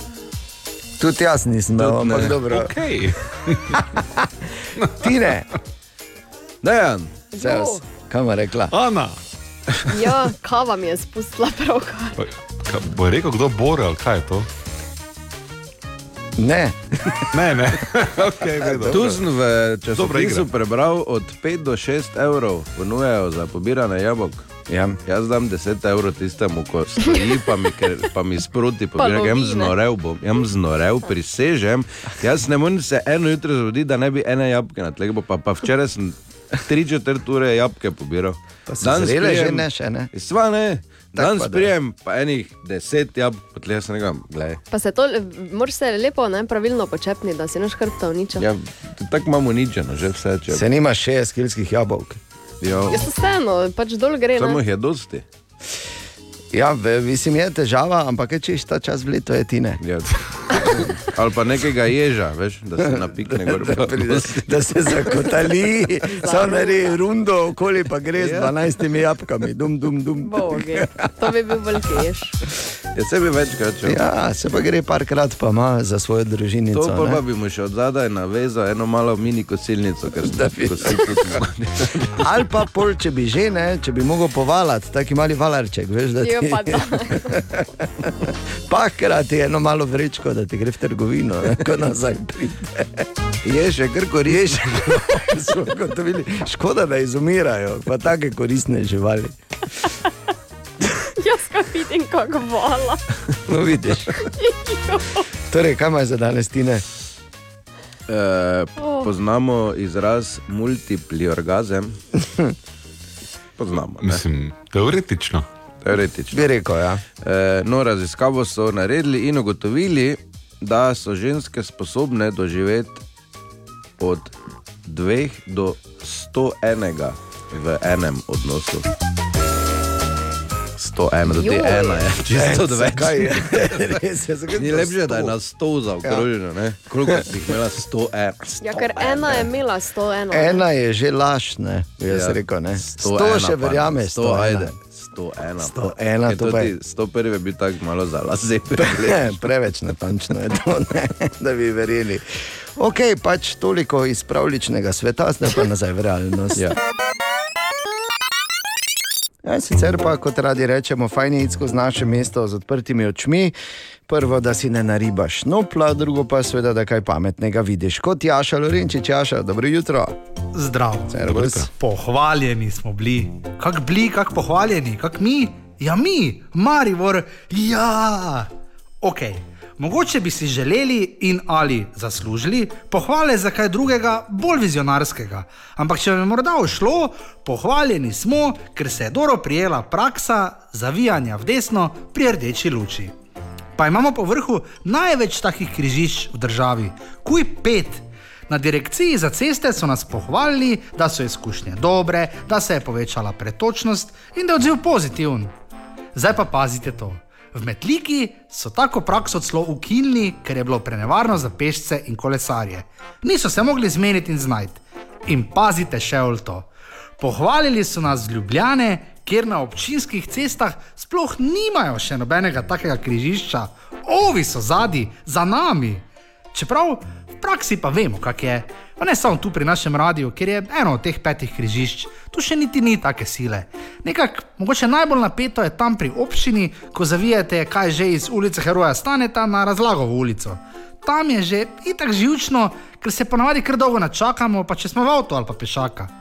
In če greš vseeno z avtom tam zavijati pri rdeči, te še vedno malo čudno gledajo, kaj te ovi dela. Čeprav ravno prejšnji teden se mi je pa zgodilo, da je v avtu starejša gospa pred mano korajžno zavila. Oja, kar je prav, se vidi, da v enem letu, ja, v soboto, mimo grede bo točno eno leto, kar imamo teh pet križišč, tudi mi v Mariboru nagruntamo in zvozimo marsikaj. Včasih celo najboljše v državi. Tako da, evo nam petka za teh pet križišč. Ja, samo v Mariboru. Sicer običajno moramo reči, je tukaj na tem mestu naš priljubljen jutranji segment izborove špajze, danes pa nekaj, kar najbolj zanima Ano, namreč eh, Gamescom se je končal v Kölnu. Ja. ja, zelo. In spremljal ga je Bor, torej eh, kolega Bor, uh, največje Dobro jutro. igre. Ja, dobro jutro. Predstavite mi, prosim. največje, ja, poslušaj, Ana. Največje igre, ki so bile predstavljene letos na Gamescomu, zdaj ko že lahko z neke distance pogledamo. Jaz bi spostavil Dead Island 2, to je dolgo pričakovano nadaljevanje zombie action survival igre, ki se odvija v post-apokaliptičnem, točno tako kot zveni, torej vse Ja. je adijo Los Angelesu. Pa potem Hogwarts Legacy, tudi to je open world. Role-playing game, to pomeni, da imaš filuteka, pohodiš okoli, ne, Ana, eh, Ta, te ki je, ja, ki je postavljen v svet čarovniške šole 200 let pred dogodki v knjigah. Harryja Gotham Potterja, Knights- seveda. Ne? Harry Potter, seveda. Uh, uh, Gotham Knights, še en open world RPG po smrti Batmana. Ja, Je mesto ja. Gotham v težavah in si lahko ali Robin, ali Batgirl, ali Nightwing, ali Red Hood. In Yes. Lies of P, je pa novi temačen pogled na eno staro poznano zgodbo, akcijska igra, kjer jih si ti torej pomagaš Pinokiju na njegovi poti, da postane človek v tem temačnem in krutem svetu, polnem nepredstavljivih grozot. Okay. Ali leto 2022 po koroni. Ne? Lepo. Ja, v Mariboru, v Stražunu. Najboljša igra, ki se lahko veselimo, to je sen, bor. Uh, God of War Ragnarok 9. november, Sploh torej ne govori. Kratos. Ker poslušam, sploh mi ne Ja, govori, doma ne, poglej, ja. ja. mislim, to moraš. Ja. Ja. Kratos in njegov sin naredite naslednji korak v boju proti nordijskim bogovom, hočete zaustaviti Ragnarok ali mrata, ne bo brez tebe. Največji dogodki te jeseni. Uh, League of Legends Worlds, september 29, Dota International Tournament, oktober 15, to sta dva največja dogodka, to so e-športi na milijonski ravni po občinstvu in zaslužkih. Ok, zdaj pa še eno vprašanje. Zasledil sem izraz Wholesome Games. Kaj to pomeni? Ja, še včeraj bi rekli samo indie games, ampak Ha. ne, wholesome games so malo druga zgodba. Torej, neodvisni razvijalci iger so rekli, kaj pa če bi naredili nenasilne, udobne, navdihujoče igre, polne sočutja, eh, ki pokažejo, da dobra igra ne rabi biti temačna, kruta zgodba, ne rabi izpostavljati samo najbolj temno plat človeške narave, ampak je lahko vesela, lahko inspirira. In bodo si rekli, hej, niso to igre za one bolj mehke. Ne, ne, ne, ne. ne. Probajte, ne? tudi ta gre. No, super. In še zadnje vprašanje, Bor. Novi trendi, ki so bili nakazani na tem Gamescomu. Mm, so novi, pa niso. Battle Royale poznamo, ja. to so še vedno najbolj popularne. Si modusi znotraj igre in vsaka igra, ki ni Battle Royale že po vsebini, ima vsaj Battle Royale verzijo ali pa modus Mhm. mm. notri. Ne? In zgleda, da se to ne bo hitro spremenilo. Sicer eno od najbolj prepoznavnih trendov je, da se tudi gaming industrija počasi pobira po koroni, prihaja nazaj v stari ritem. Ne me spraševati, zakaj, ko so bili vsi doma, mi smo mogli programirati, ne? ampak generalno po črto zdaj vemo, da za gamerje je bila korona bolj flop kot pa hop. In pa eden od bolj uh, jasnih trendov, mobilne igre, mm. skupaj vse ostale platforme zaslužijo manj kot mobilne igre, torej tam je denar in tam, ko je denar, bo tudi razvoj najbolj skokovit. Ti, no, okay. ja, hvala lepa, Bor, kvalitetno. kvalitetno. Bi človek vprašal, ali ta človek sploh ima življenje in lepo in zdravo družino? Ja, ima, kljub temu, da vse to ve. Želimo dobro jutro. Dobro jutro. Dobro jutro. Ja, pač v zelo nenavadnem svetu živimo. Uh, eden, ena od teh um, stvari, o katerih človek lahko zdaj razmišlja, jasno, zadnji dan počitnice, je, uh, seveda je bilo treba nabaviti vse živo. Ja. Se vsi, vsi se držimo, tako se oklepamo se svojih kartic, tako eh, malo še samo. eh, Bo zdržalo, ne bo zdržalo. ja. Kaj je treba iti, eh, ne pa na skratka, novo šolsko leto, novi stroški, novi rukzaki. S tem recimo nimajo težav v Združenih državah Amerike, v Teksasu, v, eh, v Valdeju, kjer je bilo na zadnje tisto eh, žalostno in tragično šolsko streljanje. Tam so zdaj določili, da bodo morali vsi eh, v drugi polovici, eh, oziroma v zgornjih razred, zgornji polovici razredov te šole nositi prozorne nahrbtnike. Res? Zato, ja, zato, da bodo videli, da ne bi kdo slučajno, ne, da bodo lažje pregledali, ali nosijo sabo pištolo si razmi, ali pa kako drugo orožje. Mislim. Eh, Noro, noro, v kakšnem svetu živimo. Sploh razmišljajo, kaj bi, če bi mi morali nositi takrat prozorne rukzake, kaj bi te pri nas našli. Fračo. ne, ma kaki, ni bilo orožja. Mogoče kakšen domači borovničevec za probat, veš, ko sem jaz. Res. ja, no, to je recimo, eh, bil- bilo najbolj strašno, kaj smo recimo, mi takrat švrcali. Ampak v vsakem primeru, žal je to tako daleč, oziroma temu tako daleč, upajmo, da ta žalostni trend seveda nikoli ne pride k nam. In pa še ena informacija, ki prihaja iz Grenlandije, tam so, uh, oziroma Grenlandije, Greenland. Grenlandija. Grenlandija. To je skoraj tako slabo kot Bor, ki je imel Islandijo. Ja, da se sta, to sta bistvu- sosednji, ne? Ja, je relativno blizu sta eh, ta dva otoka.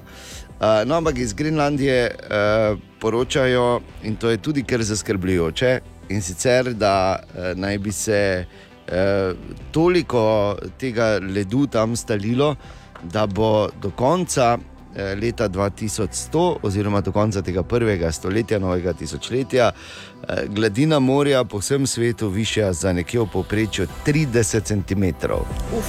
Ja, a, 110 trilijonov metričnih ton eh, ledu naj bi se stalilo zaradi pač eh, globalnega ogrevanja. To je, to je toliko vode, če si predstavljaš, da vzameš celo Ameriko in če bi to vodo gor vsipal, bi bila cela Amerika 10 metrov pod gladino. Jo. Toliko vode bo šlo nazaj v, v oceane in posod bo torej vsaj 30 cm višja gladina, tako da mogoče bi zdaj po novem gledali uh, drugi red do mora, tako kot pač nekateri. no, v vsakem primeru.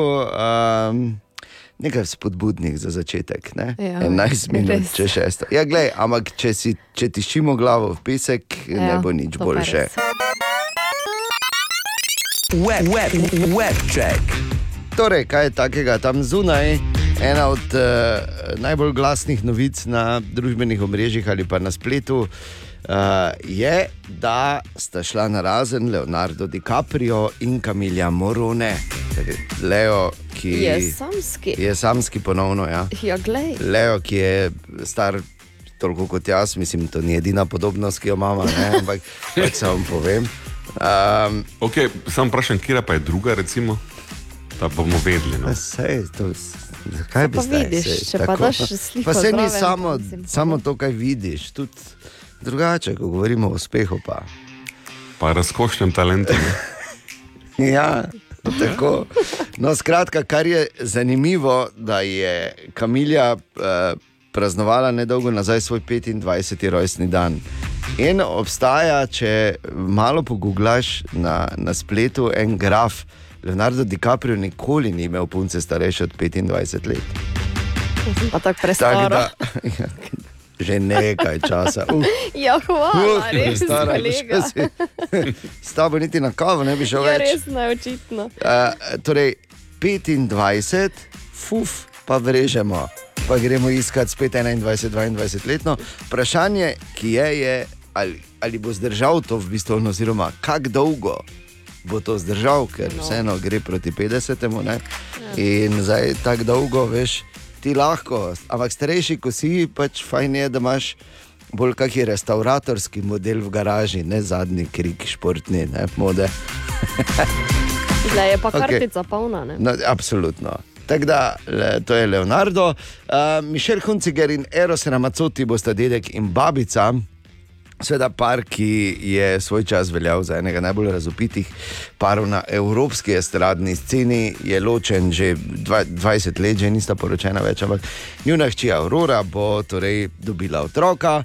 Um, vse na Instagramu lahko zdaj po novem deliš preko QR kode. Tako da vse, tudi eh, objave, lokacije, karkoli, do zdaj eh, je to eh, preko QR kode šlo nekako račun deliti, koliko razumem, se ne spoznam, tako da, ampak zdaj lahko imaš QR kodo za vse tam gor. In pa Megan in Harry sta povedala, kaj je najpomembnejša lekcija, ki jo želita priučiti svojemu sinu Arčiju in sicer, kak tipično, ne?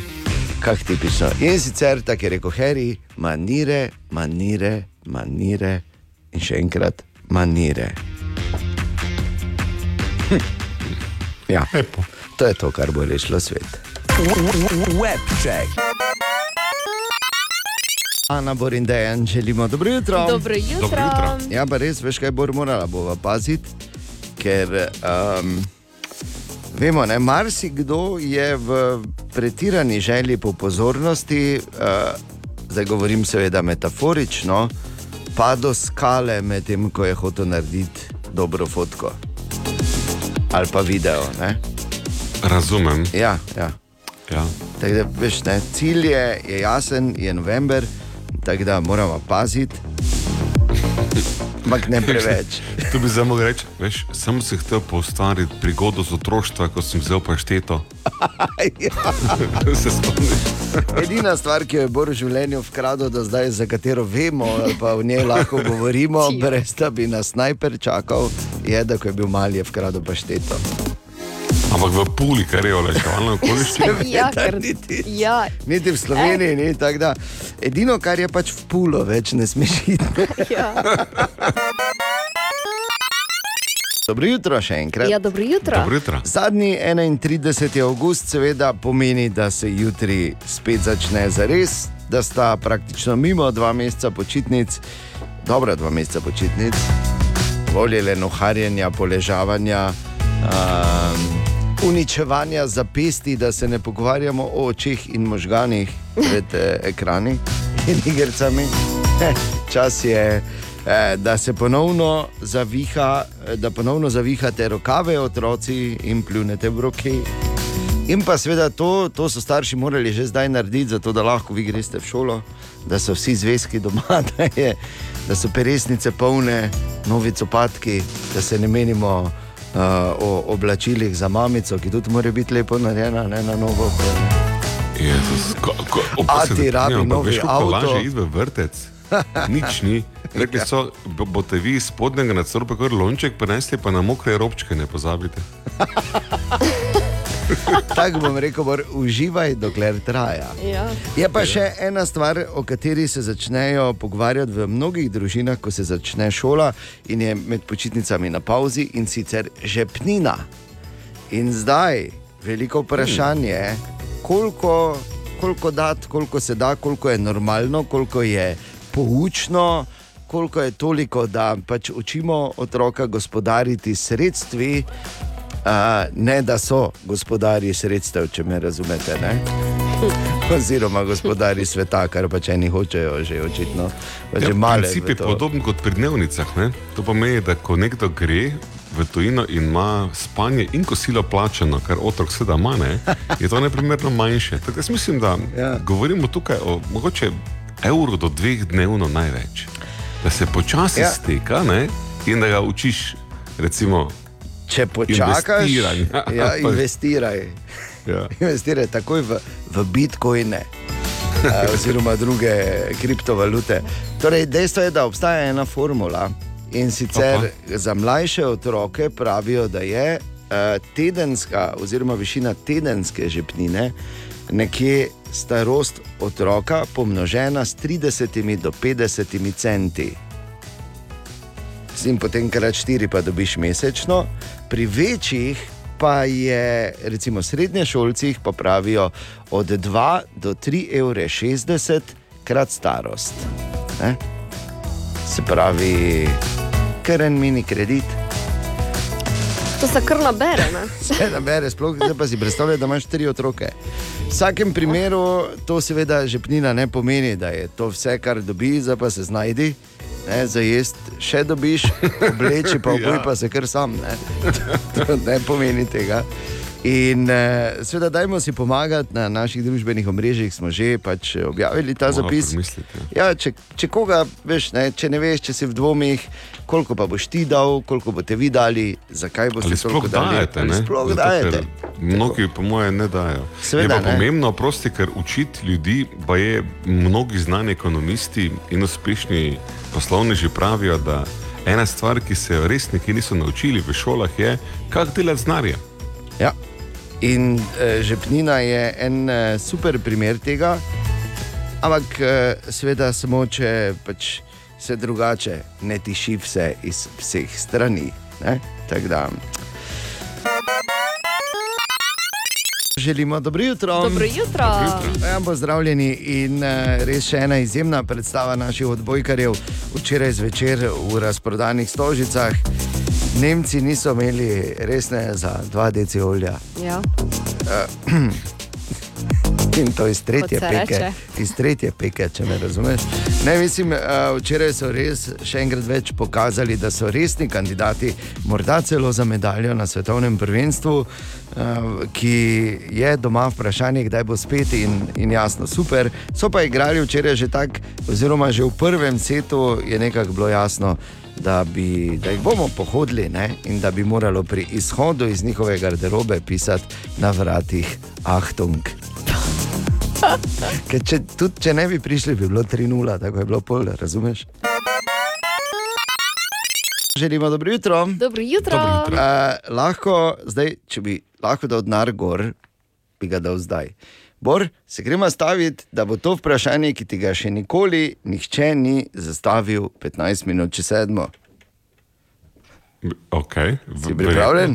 Te je strah, ne, te je strah. Mm, Če rabi. je strah. Te, ne rabijo biti. Okay, to je vprašanje, ki ga še nikoli nisi dobil zastavljenega 15 minut čez sedmo. Si pripravljen? Bor? Ja. Zalivleš kaj, spurpeni?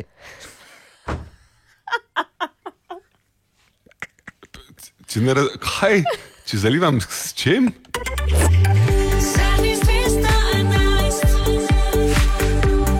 Spurpeno, no. Spurpeno, zakaj bi Spurpeni. spurpeno zalival? Ja, zamaž...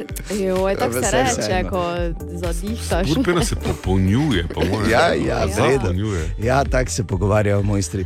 A, poslušaj, a si zapolnil spurpeno vse, kar je bilo za zapolniti? In da če drugi, seveda sem zapolnil. Seveda sem zapolnil. Ko pa jaz zapolnjujem, zapolnil sem tudi pri tebi doma, vprašaš. Okay, pa dobro. Jo, jo. Tak, zdaj pa ena, eh, stvar, ena športna stvar, o kateri dejansko lahko govorimo tudi z Borom, ker ima nekaj izkušenj s tem. Opa. Ja, namreč, Plavanje? Ne, ne, ne, ne, ne, ne počakaj. No, ne, na tak naštevaj, kot da jih je toliko, prosim. Ja, no, Ana. Tudi na skvošu je bil kariero enkrat. prej si zdaj rodila, tako To da je ne moč. Tudi na skvošu je bil enkrat, ampak ne. Ja, res je. Pretekli vikend je v Mariboru bilo Evropsko klubsko prvenstvo v malem nogometu in uh, to je, veš, tako ime... Te izkušnje. Ja, ta, tako imenovani Dryfirtel futbal, ki je izjemno popularen v Prikmurju, moram reči, eh, oziroma Pomurju. Pardon.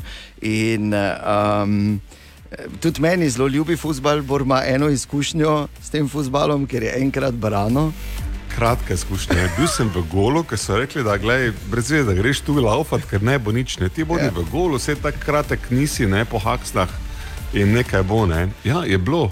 Šest- 12-0 je bilo. 16, ni bilo potem ena. je bilo še ena. malo več. In na koncu smo izgubili s 16-0. Ena. In ka... Ne, ena je bilo, ne vem, Ja. megleno je.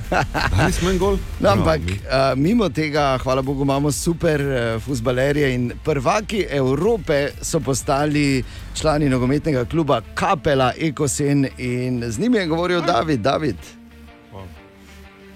Uh, ja, govoril sem z vodjo ekipe Dragom Bračkom, ki je povedal, da je na turnirju tekmovalo 38 ekip iz eh, 17 držav. Vse skupaj je potekalo na igrišču z umetno travo ob dvorani Tabor oziroma v tamkajšnjem športnem parku. V finalu pa so premagali ekipo DXC Technology iz Bolgarije po izvajanju kazenskih strelov. Drago Bračko pove več. To igrajo amaterske ekipe in med 38 ekipami smo osvojili naslov prvaka. Igra se 5 plus 1, na, pač na umetni travi se je igralo tukaj v Mariboru, lahko se igra tudi na naravni travi. Pač mali nogomet to je zmes med uh, futsalom in velikim nogometom, da malo pač približam ta šport. Ja, in mogoče 5 plus 1 pomeni, da igra pet igralcev v polju in vratar, če slučajno kdo ne pozna žargona, da še malo bolj približamo ta šport. Ja, mi smo takrat igrali brez vratarja, ne? ampak dobro, pustimo to. S praznim golom bi dobili manj golov, menda. ne. No, je pa z novimi evropskimi prvaki igral tudi Dare Vršič, eh, naš bivši igralec Enka Maribora. Kako so prišli do njega, David? Uh, po besedah eh, vodje ekipe preko vez in poznanstev. Da smo prijatelji že dlje časa, on tudi iz, izvira iz Apač, to je blizu nas, se že kar nekaj časa druživa in pač tam se je odvijala zgodba, da so nekateri naši igralci odšli v druge ekipe slovenske. Sem izkoristil tega jokera, bi lahko rekel, da je to vršiča in eh, da smo sestavili ekipo, katera je osvojila naslov prvaka. Bolj so še se nekateri drugi igralci odločili, da bodo sodelovali, ker treba je verjeti, da je to na amaterski ravni. Eh, dečki hodijo v službo, na faks, je kar težko to usklajevati. ne. Sta pa na turnirju igrali še dve slovenski ekipi in sicer KMN Maribor, Ekosen in Karvaš Ključarovci. Obe ekipi sta letos izpadli v osmini finala, mimo grede, Ključarovci pa so bili lanski prvaki, tako da letošnja krona je šla nedaleč stran v kapelo. Če pa bi kdo rad šel pogledati to ekipo v živo, igrajo v Radgonski ligi malega nogometa, tako da tam jih najdeš. Absolutno, no, sicer kapela je na hribu, ne, imajo glih toliko ravnega, da lahko eno igrišče, da so lahko eno igrišče naredili. In uh, super, da so ga, kajti so aktualni prvaki Evrope v malem nogometu. Tako da, bravo, ne ga ne vole, pa samo tako dalje.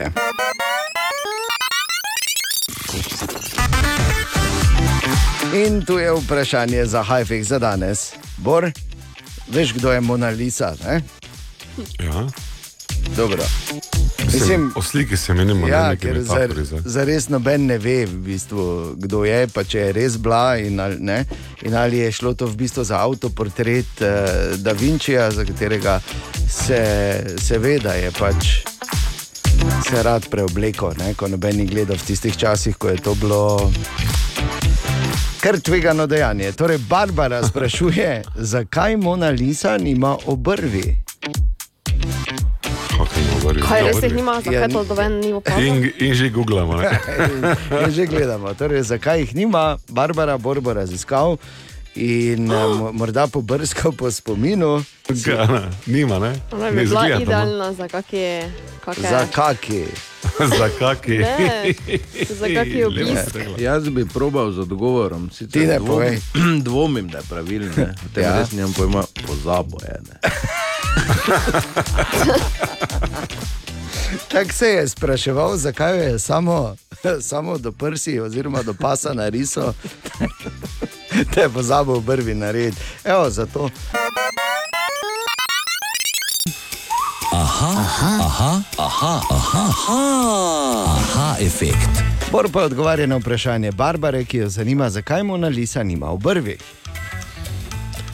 V času renesanse je bilo v navadi, da so si ženske brile obrazne dlake, vključujoči Brile? Ja, ja, vključujoči obrvi, seveda. Nisem zdaj rekel, da so ženske bile bradate, pa so se brile, ampak ne, bila je kar pogosta navada, da so si tudi uh, obrvi povsem obrile. Tako Eh, Rambo, vemo, tako Rambo z nožem, Bor? Tako um, Um, Rambo? Pa ne čisto z nožem, ne. Aha, okej. Imeli so že britvice, ampak Leonardo kot ja. italijan je to prodal francozom oziroma kralju Francije, danes je to zato v Louvru. Ampak to je ena razlaga. Druga zanimiva razlaga uh, pa je, da so skenirali sliko, ki vemo je restaurirana in ugotovili, da pa Mona Lisa je včasih imela. Ne samo obrvi, ampak tudi trepalnice, ker na sliki se tudi trepalnic ne vidi. In eden od razlogov, da je čisto možno, da so samo zbledele, je tudi ta, da obstaja še ena slika, imenovana Prado Mona Lisa. Um, ta je v muzejskem, oziroma v Madridu, v muzeju Del Prado in je bila narisana v istem času, kot je Leonardo risal, so njegovi študenti delali kopije. In to je ena od bolj znanih kopij, in ta ima zelo lepe obrvi. Tako zelo iz sicer ne, 90. ampak ima Malo prvi. take Frida obrvi Kahlo. 90. Ne. Frida Kahlo v brvi. Ne, ne. Ali pa Ne, tankičke, Samo take. tanko, črno. Kot da bi z, eye, pa za mene, kot da bi z eyelinerjem Ja. samo črto naredil. Bravo, Bor. Z eyelinerjem. Hvala. Naj samo povem, da sva s Tinetom, ki je še vedno tu, otrpnila od strahu, ko si začel z ne samo, da je imela obrvi. Tudi jajca. Ali tudi vi pogosto totavate v temi? Aha efekt, da boste vedeli več. Dobro jutro. Dobro jutro. Okay. Kar kul ali kar slabo, to je, ko si vsak pripravi eno dejstvo pri nas in upa, ker je sva prepričana ali prepričan, da je kar kul, da enako mislijo tudi ostali v ekipi. Pa da vidimo, kako smo se danes to pripravili. Ana, Kava je bila v turški kulturi v 15. stoletju tako pomembna, da se je žena imela pravico ločiti od moža, če ji ni zagotovil dovolj kave. Kar slabo. Ne? E, pa dajte, daj, daj. Bi rekel, Samo da- žena od moža, ne Ja, od žene. tako. Ja. Kar kul bom rekel. Jaz pa kar slabo. Ne? Pa Ja, daj. Zato, ker eno bi bilo, da bi se ločila, če ne bi bila deležna dovolj hanžara. Ne, Glej, bo, bo hitro vrnil Ani. Ne? V 2022 bi bilo smiselno, da glede na to, kaj se vse dogaja okoli, ohranimo ene tradicionalne stvari. Zato predlagam, ja. da ima mož pravico ne. ločiti se od žene, če je rana hrani vsaj enkrat na dan. Kaj je to je zdaj? Ker kul predlog. Kaj te vem, no, če, kak je to mož, da ga mora žena hraniti? Plačni. Če me razumeš. Ja, ne, ne. vem. To je bila metafora v tem. Tako da jaz bolj bi rekel, ker je slabo. Ker je slabo. Ker imaš cajt kuhati. Ne, ker Ja, ti zna- pa nisi nič Ne, doma. Je tudi, Ne, ne. tudi ne kuhaš slabo. Ne, ne, ker znam. Ne, če bomo zašli v ono govejo znam. župo, ko sem zgubil, bom se samo obesil, tako da gremo dalje. Je, tako je. In pa to je pa moje dejstvo, pazi, če uh, za vse, ki razmišljajo, da je pa zdaj čas, da se začne delati za linijo za ne, naslednje leto na Pašmanu, ne, da ko se bo šlo po plaži, bo. Ne, uh, kumare, kumare, pa je. Jaz ne vem, ampak eh, pravijo, kumare uravnavajo sladkor v krvi in zelo uspešno umirjajo, pazi izraz, prehranska hrepenenja, ki jih imam jaz kar pogosto. Jaz tudi. Tako da prosim, hrepenenja. Ja. Jaz bi samo rekel, po mojem, kar kul, ne, ni kar kul za kumare. Prav kumare. Kaj te delaš, ti bor, ko si nor? Ti miksaš poleg. Ne poznaš tega? Jo, zdaj pa spet to nikoli ne. Joj, daj, no, prosim te. Ampak uh, hotel sem povedati to samo zato, ker imaš uh, za kumaro, veš, ne, ker zdaj ni samo, da greš mimo kakega vrta in rečeš, uf, le, ne. Le kakšni komadi, ne? ali pa eh, to te male, to te male, to je za vložiti, pa za takrat, ko ne bo drugega. Kumara je super. Ja. Ja, kar kulja. Spet se mi Ker si kul. povedal. Hvala lepa, Ana, hvala, vedel sem, da lahko na tebe računam. Ja, no. In tu je naš priljubljen jutranji segment iz Borove Špajze, kolega Grajner. Dobro, kaj za materije delamo, ali kaj, če smo se pa zmenili drugače. V času skoraj predvolilne kampanje se Borova špajza za potrebe promocije preimenuje v županski nasveti. E, Ja, Tako smo rekli. Ja, se vemo, pač oba- reči, ne, županski Glej, nasveti. Lahko prosim te. Problem je pač, ker ni to v celoti dogovorjeno, Borin. Ker... Če si pa ti vodja, kam Pa vse za to, in jaz Ja. ja. nisem nekako eh, najbolj, ne, ampak jaz bi to imenoval, da ne bi zvenelo preveč tako mogoče na sveti nekega kandidata. In tukaj je še en. Če vidiš koga v peš coni divjati, ne davi ga, ampak mu pomagaj razumeti, da se bolj kot župana mora povoženega pešca bati. Tako. Še enkrat želimo dobro jutro. Dobro jutro. Dobro jutro. Ja, dobro jutro. Danes je tako, kot smo napovedovali. Žal slabo vreme, je pa 1. september 2022, meteorološki uh, nebo, hotel se reči, ne presežek, samo to ni beseda, verjetno ne. Ampak Ja. začne se meteorološka jesen danes, uh, koledarska, seveda ob koncu meseca, tako da teoretično smo še vedno v poletju, ampak meteorološka jesen je danes vžgala za vso silo. Um, torej bo tako oblačno, občasno bo rahlo deževalo in do največ 20 stopinj praktično skozi vse dan. Danes zjutraj ne id od doma, če se še odpravljaš uh, samo v kratkih. Joj, ne. Jaz sem to naredil in sem seveda šel nazaj po zgoraj dolge, ne.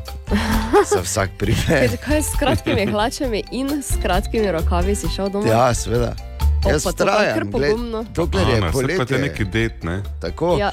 In ne samo to, danes je jasno, da je 1. september in prvi šolski dan, novo šolsko leto se začne danes. To so, včeraj sem se peljal recimo mimo naše osnovne šole, to so učiteljice ve še zadnje stvari tam pilile, pripravljale. Ja. Na veliko piše dobrodošli. Pa kako lepo. Ja. Mnoge šole so pravile tudi kakšne adaptacije. In Bog ve, kaj vse čaka, Bog je reče še v teh mučilnicah, ne zdaj na novo. No, Ja, moram biti na strani šolarjev.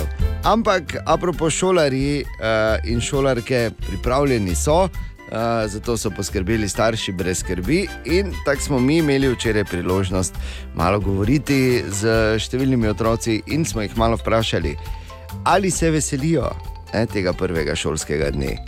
Ja, uh, tako, tak, pač v bistvu. Po eni strani ne, ker zdaj grem sedmi razred in se mi šteje vse ocene za srednjo šolo in mi pač to ni glih fajn, ampak drugače pa komaj čakam, da vidim prijatelje. pa tako. Zelo. No, Uh, ja, zato ker uh, bomo imeli fajn učilnico, uh, pa zato ker bom videl svoje sošolce. Um, malo ja, malo ne.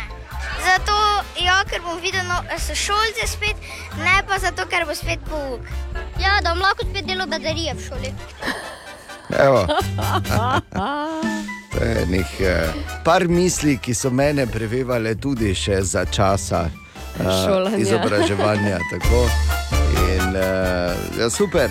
Tako da danes se to torej začne, hkrati seveda to pomeni, da bo tudi veliko večja gneča eh, na cestah eh, in na pločnikih, predvsem ob šolah, zato še enkrat Ja. previdno, prosim, Tako. danes tudi za volanom.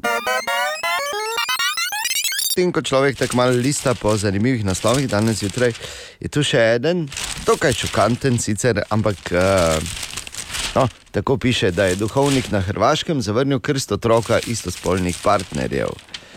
Zdaj, seveda, ne želim štartati debato o tem, kaj je prav, kaj je narobe, sploh ne. Hočem samo povedati, da bi pa svetoval, glede na številke, aktualne številke v njihovih vrstah, da bodo morali počasi postati malo manj zbirčni.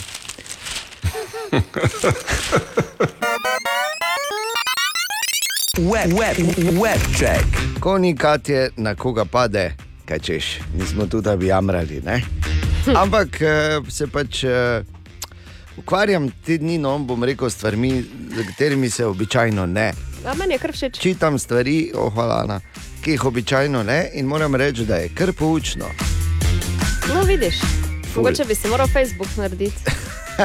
Mogoče ne bi šli tako daleč. Torej, v Franciji so začeli uporabljati kognitivno računalništvo, oziroma pač enega od teh modelov umetne inteligence, zato da pregleduje satelitske slike oziroma zračne fotografije in ugotavlja, kdo vse ugotavljajo z njimi, oziroma z, s tem, no, Ja. Zdaj, umetna inteligenca, to, ne, zaenkrat, če nima spola. A, kdo vse ima bazen in kdo ne. In zakaj je to pomembno? To je pomembno zato, ker v Franciji, če imaš bazen, moraš plačati vsako leto pač nek denar. Tudi če je montažni, sploh eh, ni, pač moraš neki davek plačati. In mnogi seveda pač se naredijo francoze. Zakaj? Ker so francozi. Oh. Za razliko od Grkov, ne, ker vsi imajo bazene, pa noben ne plačuje, Ja, ja, ker tako. so se tako zmenili. Tako so se zmenili. Ampak eh, pazi, zdaj so to tehnologijo uporabili samo v enem malem delu Francije. In kaj mislite, koliko bazenov na črno, pod narekovaji, so odkrili? 80 odstotkov, verjetno. Okay. U, Ana, ti si v 80, odstotkov, recimo. 40, zakaj pa v odstotkih, zakaj pa ne v številkah? Ja, če v ne malem delu Francije. tam. Ja, no, ja, Pa reči neko številko, se vseeno. Vse je vseeno. Ne, ne, ker Predolgo bom. traja. Ok, bom jaz. Ne, toliko pa spet ne. Taki francozi pa tudi niso. 20 tisoč pa so jih ne čapnili, ker takoj. Opala. Uh, Le to je kar- bazen, a, a le piscin, ne, so prišli. Moni, moni. A, Ja, pa in je bil ter repavn. Tako so rekli. In so napolnili. Eh, Na koncertu Harryja Stylesa, ki ga je imel pred par dnevi v New Yorku, eh, veš kaj, njemu gor vse mečejo. Ne? Ni edini, eh, mnogim gor na oder mečejo tudi. Recimo, ta, ta fenomen, ki tudi Bor, ko se kje pojavi, da je ne marsikaj gor dobi. A, Bor ima vitrino s temi stvarmi. No. Ko ste vi nastopali še z Sebastianom, je tudi kaj gor letelo Joj, na oder, ne? Ana, kaj včasih? No, vidiš. Res. ja. In uh, seveda bi človek pričakoval, da dobi vse živo, ampak da pa dobi gor uh, čike nagece. To, to se je njemu zgodilo, da so mu nagece gor metali. In je potem uh, Harry Styles to videl in uh, je pač rekel: Hvala, ampak morate vedeti, ne jem perutnine, pravzaprav sploh ne jem mesa. In tako so vsi zvedeli, da je Harry Styles v bistvu vegetarijanec. Oh, wow. Evo. Uh, danes je prvi šolski dan, zato se zdi kar primerno, glede na to, da bodo mnogi morali uh, zdaj začeti tudi več kot tiste zgodnje ure, nulte, ali kako se jim že reče, Mm. ali pa prve zgodnje ure uh, začeti točiti. Uh, V Kaliforniji so sprejeli zakon, katerem, po katerem se nobena srednja šola, oziroma pouk nobeni srednji šoli, ne sme začeti pred pol deveto zjutraj. Zakaj Ker- je, ker- službi mi ne so bili naredimo tako? 70 leti? ne? Res je. Predvsem zato, ker so ugotovili, da te zgodnje jutranje ure, ko ne vem, moraš eh, težke probleme, matematične ali pa eh, pač. eh, karkoli že početi v šoli, ne delujejo najboljše. In pa, ko sem pregledoval, Klepora, seveda, ne. Se Seveda, a, ne. absolutno se strinjam s tem. Ja, se. In pa moram reči, da ko sem pregledoval te sorte literaturo, strani in družbena omrežja, zelo slabo se piše o Boru. Tako da morali bomo spet eno pametno zgodbo lancirati. Ker te ni Bor, Ja. je nič, gled, če, če dan, dva, Samo malo, niso volitve še dobljene. Ne, mislim, no. malo moraš biti zraven. Ne? Če ne bo drugače, bomo pač šla staro trto posekati. Narečja so zakon. Ha, kva, koga, kaj? Ma ne razumem. Ker nas je tako dobro zdresiral, sedi aport, pa to naš eh, jezikovni bič božji, Marko Fras, Marko. Ne, ne, ni Marka, Katja ga bom nadomeščala naslednja dva tedna, tako da dobro jutro. O, Ja, Katja, dobro jutro. Jutro. smo iskali narečne verzije te povedi. Ker ga je bolelo grlo, se ni mogel na ves glas smejati. Sem Andreja iz Benedikta, moje narečje pa je, tako me je boleja gud, da se ni mogla dreti. Zdravo, jaz sem Dušan, prihajam iz Mrečnika sicer in eh, na to, eh, kaj že je tale izrek, ki je pač bil poslan, eh, bom rekel, ne, ker ga je bolel gurgl, se ni mogel na glas cepati. Zdravo, sem Simon, prihajam iz Prelekije, pri nas potem rečemo, da ga bolj gust, tako se ni mogel.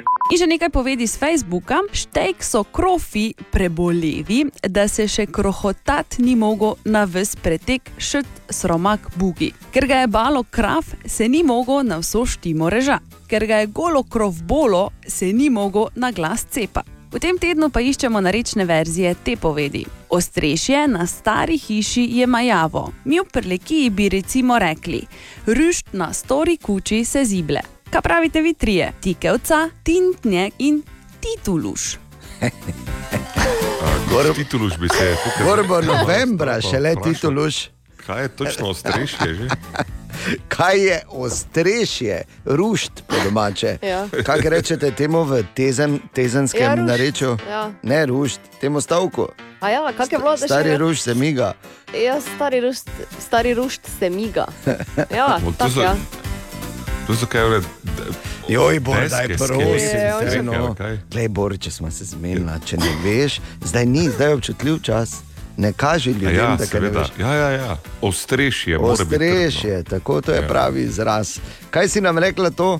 Jaz še vseeno mislim, da tituluš ne pomeni to, kar smo mislili, mi dva bor.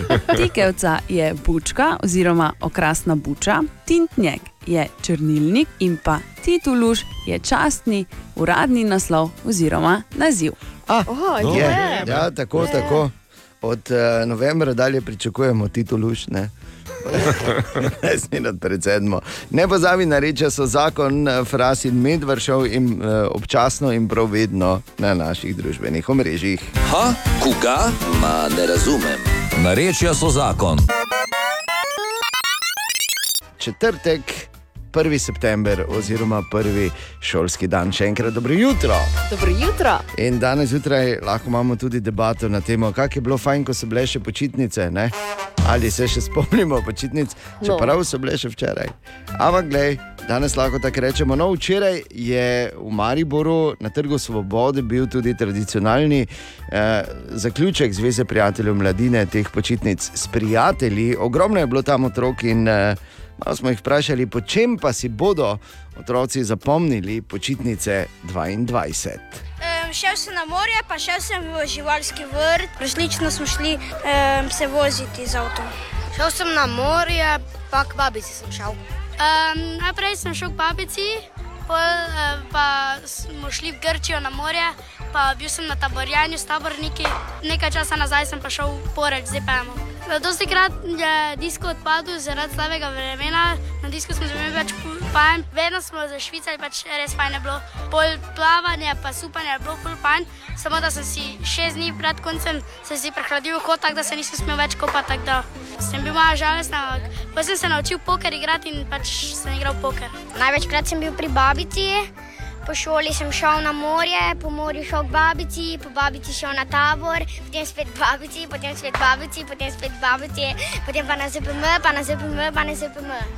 Najprej sem bil na poletnem taboru s taborniki, na to sem bil pri babi, na morju pri babi, zdaj sem pa z očem sam doma. Nič, samo igrala sem se. Uh, fajn, ker smo šli na morje, pa bil sem na zvezi prijateljev mladine. Uh, in je bilo ful fajn, ker smo se vsak dan po dvakrat kopali. Uh, šla smo na morje, uh, se igrala, malo šla na zepejem. Jaz sem šel v London, pa v Španijo sem šel.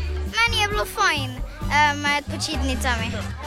bil sem na morju, na Viru, pa tam sem videl želve.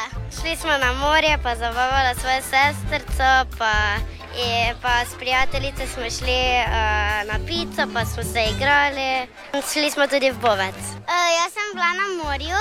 Um, najbolj na morju mi je bilo všeč, ko smo lahko vedno nekam, ko smo se lahko šli kopati na bazen. Um, rada sem se igrala z sestrico, pa hodila sem na ZPM z mojo prijateljico Kajo. Ja, pa Pa, super. kak so luška, Lepo, ni? ne? Zelo uh, različne počitnice. Ampak aktivne. Aktivne, ja. Cool. Res je. Pa To- vsi recimo iskreni, ne? noben ni rekel, zdaj, ja, jaz sem se pa v Ferrariju pelal ali pa v jahti. Pa to, ne. Tako kot si ti govoril. Ja, ne, ko si bil star 8 let. Ne? Ne, ampak uh, ok, samo malo, da smo si To na je jasnem. zmaju jahal ali nekaj. Kar je, uh, kar je v bistvu bilo zamočano, je bilo pa igral sem Valorant v eno. Samo res igrc nihče ni no, omenil. Seveda ne, ker to, to je bilo vse ne. ostalo. Ker to, kar so razlagali, je bilo ne vem, dva tedna od osmih, ostalo pa Ja, po pravici. Tako da, Ja. uh, ampak vseeno super, uh, me veseli, da so se torej, otroci imeli super med počitnicami. Pa da so malo žal- livali, ne? Ja. Igrce. Kaj da so? Da so malo igrco livali vmes. Livali. Ja. A ja, Li, na, ja. Naj te podočim, uh, ne, uh, Ana, livanje je, ko greš sredi igre. Ja, in je tako. zelo nezaželeno. A ja. Res je pri določenih igrah, kot sem se naučil, oziroma kot sem dosti krat čutil, pa daj ne morem iti sredi igre, ker me bodo benali. Če je livam.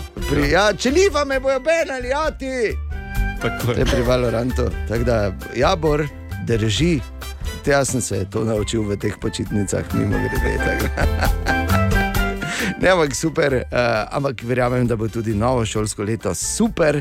Ogromno uh, novega znanja, novih spoznanj in novih izkušenj, morda celo novih ljubezni. O, o. Vse to te torej čaka. Danes je 1. september, prvi šolski dan novega šolskega leta. Dobro jutro in srečno! Dobro jutro. Med zanimivimi naslovi ali pa med tistimi eh, najbolj glasnimi naslovi v našem mestu je tudi ta danes zjutraj, da bo samo Peter Medved funkcijo podžupana poslej upravljal nepoklicno. Samo Peter Medved, jasno, da uh, doktor, samo Peter Medved, se upravičujem. Podžupan z enim od najbolj genialnih imen v zgodovini Mariborske občine. Sploh eh, je to prišlo, se spomnimo, ne, takrat, ko je v mesecu juniju, tako ko je bil Only Peter the Bear, Nur Peter the Bear, oziroma moja, mo, moja najljubša solo Pietro Lorso. Ampak dobro, glej, eh, to je v bistvu, moram reči, da zdaj ne vem iz njegovega ali pa občinskega stališča, trenutno, kakšna novica je to za najbolj, je to super novica. To si moramo kar pribeležiti, to bo prav prišlo zdaj, v, ko se bodo začela soočenja. Ne, pred novembrom. Ja, no, gled, to je za naju in za najmen projekt, je to super informacija. Gled, ti si voda kampanje, jaz samo. Pravim ti. Ti boš samo jaz slavo si, počel, jaz si ne? že pišem, jaz že pišem tvoj odgovor v bistvu iz tega, ne, ko pi- samo Peter Medved, uh, odslej nepoklicni podžupan. In ko ti bo v soočenju aktualni karkoli rekel, ti samo rečeš, težko resno debatiram z nekom, ki je imel podžupane brez poklica. Želimo dobro jutro. Dobro jutro. Dobro jutro. Ena od bolj nenavadnih eh, stvari, ki uh, jih je razkrilo to sušno poletje, oziroma ta sušni avgust, uh, so bili tako imenovani kamni lakote. Sicer ne v Sloveniji, ampak v Evropi pa. In uh, zadevo je malo raziskala Tanja Klajnščak. Kamne lakote oziroma Hungersteine v nemščini lahko najdemo v območju Nemčije in Češke. Najdemo jih v rekah, saj gre za kamne, ki se pojavijo, ko se gladina vode spusti na skrajno nizko raven. Skozi zgodovino so kamne lakote postavili oziroma jih tako poimenovali ravno zaradi pomankanja, ki je sledilo zaradi ekstremne suše. Odkrili so jih od Rena do Donave, največ pa jih je na reki Elbi. Tako razlaga mariborski zgodovinar Domen Kodrič. Najstarejši zabeležen kamen je iz leta 1115. Sicer danes ne vemo več, kje se nahaja, ampak v mestnem arhivu v Pir- Pirni v Nemčiji je zabeleženo, da so kamen za to letnico nekoč poznali. Uh, drugače pa danes uh, poznamo kamne, na katerih je možno prebrati letnice tam od uh, 15. stoletja naprej. Uh, recimo en tak slavn kamen je v Dečinu, v, na severu Češke, uh, kjer so poznali letnice 1417, ampak te so se že nekako zabrisale od mladi, ki so tam pristajali in zasidri pač poškodovali kamne. Uh, še vedno je pa viden napis recimo iz leta 1616. Uh, in tam ob teh letnicah se včasih na kamnih pojavijo neka sporočila. In ta sporočila so kar uh, močna. Recimo na tem slavnem kamnu je napisano: Ko me vidiš, joči. Na nekaterih kamnih se pojavi tudi do 30 letnic, kar nam v današnjem času lahko veliko pove in pomaga tudi pri interpretaciji vremena oziroma sušnih obdobij skozi stoletja.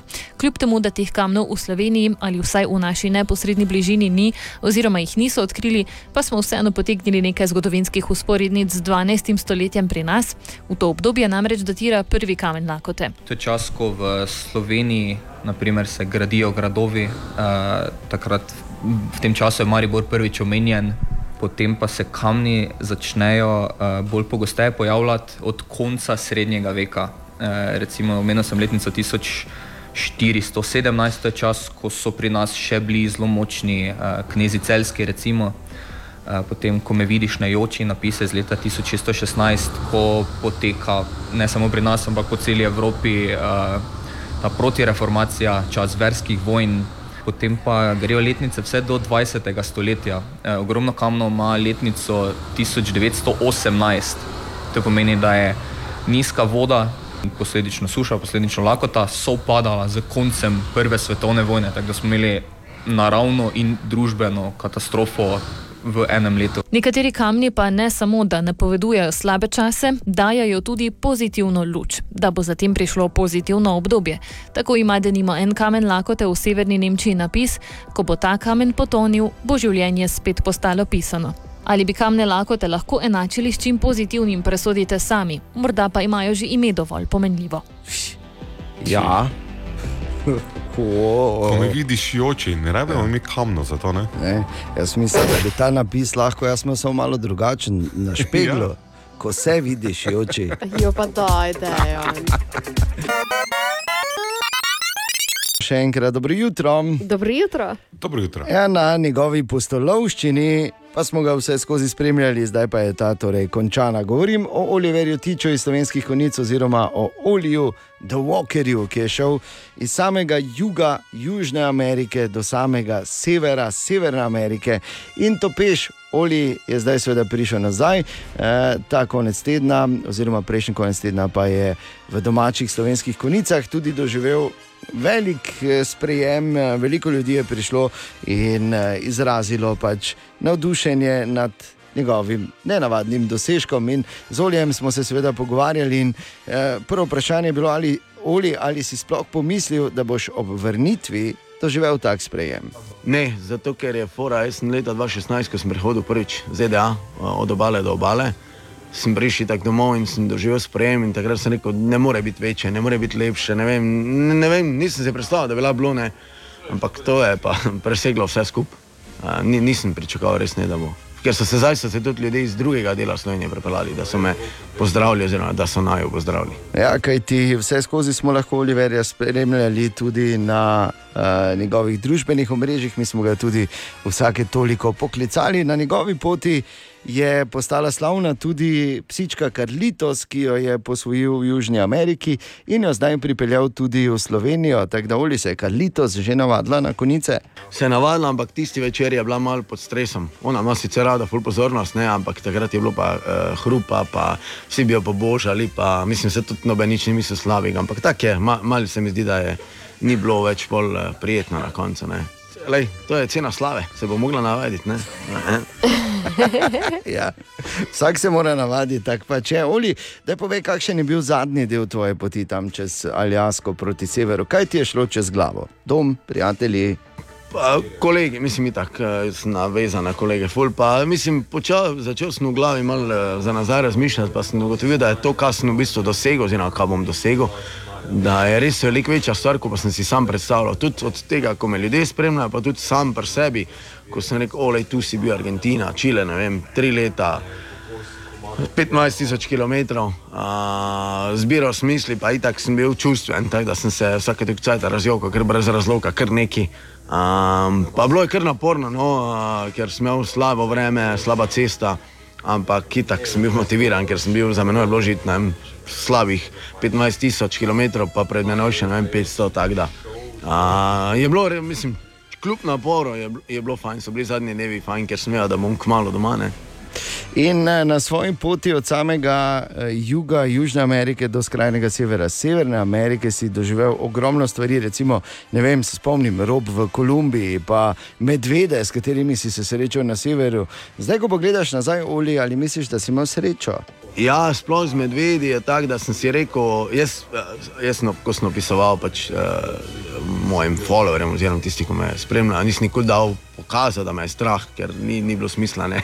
Pa ni bilo vedno tako enostavno, ampak jaz sem se na foro obrnil, nisem hotel neke panike delati, ko pa so ljudje mogoče bi bili zaskrbljeni, ampak je tako, da sem božji na koncu študiral, da mi bo enkrat sreče zmanjkalo, res, da zdaj pa že tokrat blizu, blizu, blizu, ne. Da, tako da me je pol mal skrbelo, sploh zaradi krlitos, ker nisem vedel, kako bo medved odreagiral, ne? ker na človeka se načeloma ga ne napade, ampak enkrat se je zgodilo, da je letela za mladičem. Eh, Medvedjem, ampak hvala Bogu, ni bilo mame, nikjer okoli, če je bila takrat mama okoli medvedka, vprašanje, kaj bi se zgodilo z nama obema. Ne. Daj povej malo o tistih lepih, pozitivnih stvarih, ki so se ti zgodile na tej tvoji večletni poti. Milijonih je bilo, vse mislim, da če me verjetno med poslušalci, marsikateri poslušalec spremlja, ne vem. Ko sem že mislil, ko se je zgodila neka nora dobrega, pa smisel ne, se ne more biti nič lepšega, pa je bilo, ne vem, čez tri dni lepše. Pol, na koncu sem že mislil, da ljudje mi ne bojo verjeli, ko sem, sem vse pisal. Ne vem, od srečanja in tako. Z Luko Dončićem, do ne vem, v Panami, ko se je sred Paname pripeljal en mimo, pa spustil šipo dol, pa me pozdravil v slovenščini.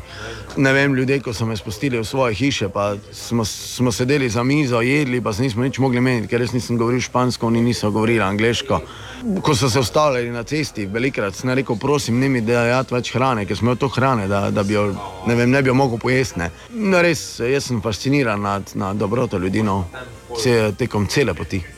In kako zdaj gledaš Oli na to potova, potovanje, na to, kar si pravzaprav dosegel? Uh, ja, v bistvu, jaz sem full hvaležen, vse to sem že večkrat omenil, marsikje, ampak sploh, ko sem videl, ne vem, primer Bolivije je taka država, da je zelo revna, veliko ljudi živi brez elektrike, brez, brez vode. Uh, ne vem, mi pa se tu prito- pritožujemo, če čakaš v trgovini v vrsti za pet minut. Mislim, ne cenimo isti stvari, ne, tako da bi mogoče marsikdo od nas mogel iti malo v svet pa videti. Tako da sem hvaležen, hvaležen sem tudi za vem, to, da sem lahko se stuširal nekje, pa da ko sem, ne vem, je nekdo rekel, kaj boš prespal pri nas. Jaz sem bil tako srečen, bolj kot pa če bi mi rekel, da dam ti tavžen evrov, ne, tisoč evrov.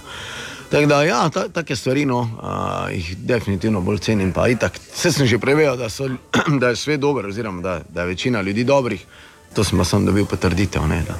Vrhunsko oli. Uh, pa, ampak moram vprašati, ali razmišljaš že o naslednjem podvigu, bo šel spet kam peš? Mislim, ne vem, bom, koliko sebe poznam, ja. Uh, zdaj trenutno nimam želje, zdaj mi prav pa še biti doma, ta monotonost, ko sem prebežal, mi je zdaj kul. Cool. Če bom šel, definitivno ne tako dolgo, ne bom več tako, tako dolgo odsoten od doma. Imam v mislih Avstralijo. Če bo naslednji projekt, kaj bo Avstralija? No, super, uh, bomo te spremljali tudi, če boš šel čez Avstralijo, ampak za konec, Oli, Kako hecno se ti zdi eh, tebi, ki si praktično prehodil kontinente, ko se nekdo pelje z avtom, ne vem, par sto metrov do trgovine? Ja, ne vem, mislim, da, če dam za primer, američani so še bolj leni, če se lahko izrazim, glede tega. Ne? Oni bi šli se na, še na vece z avtom, če bi lahko. Tako da ne vem, mislim, tako smo se razvadili, sami smo si krivi, oziroma pa nas je tako, da ne vem, štiričlanska družina ima tri avto doma. Ne? Tako da pač tak, takem svetu živimo, da vsi grejo z avtom, ampak ne vem, to je res nekaj. Jaz pravim, da neke razdalje, tako si zdaj omenil, 500 metrov, 1 km, 2, 3 bi lahko moč šli peš, zato ker ne sam zaradi uh, ne vem, vel- velik, velike razloga od, od uh, benzina oziroma za naravo je boljše, za tvoje telo je boljše. tako da Bi, bi se mogli slovenci več rekreirati. Ne? Mogoče smo se zaradi korone začeli, pa me strada, da bo se zdaj spet to nazaj vrnilo, da, da bomo pozabili naravo. Ne?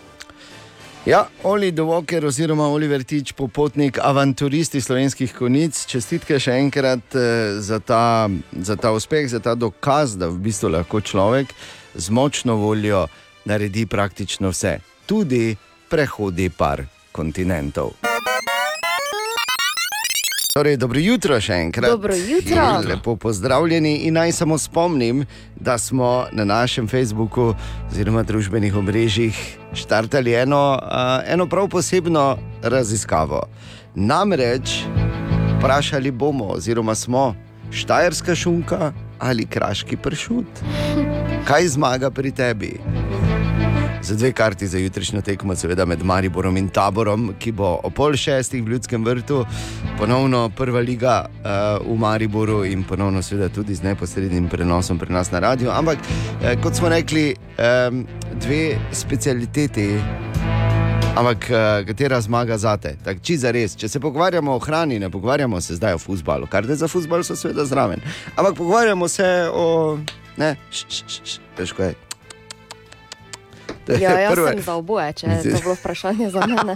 Pač kak je hrana, se veš. Ne. Samo bi opozoril, da dva različna zvočna efekta, š, š, š, š, š, se reže šunka, ne, p, p, p, p, p, pa pršut, ne, ker, ker je še pa p. Ne. Če, če, če ne, Jo, a to zato. ker sem moral razložiti, očitno, ker sta oba Ja, tako gledala za no. gleda. Ja, ker je bilo tako.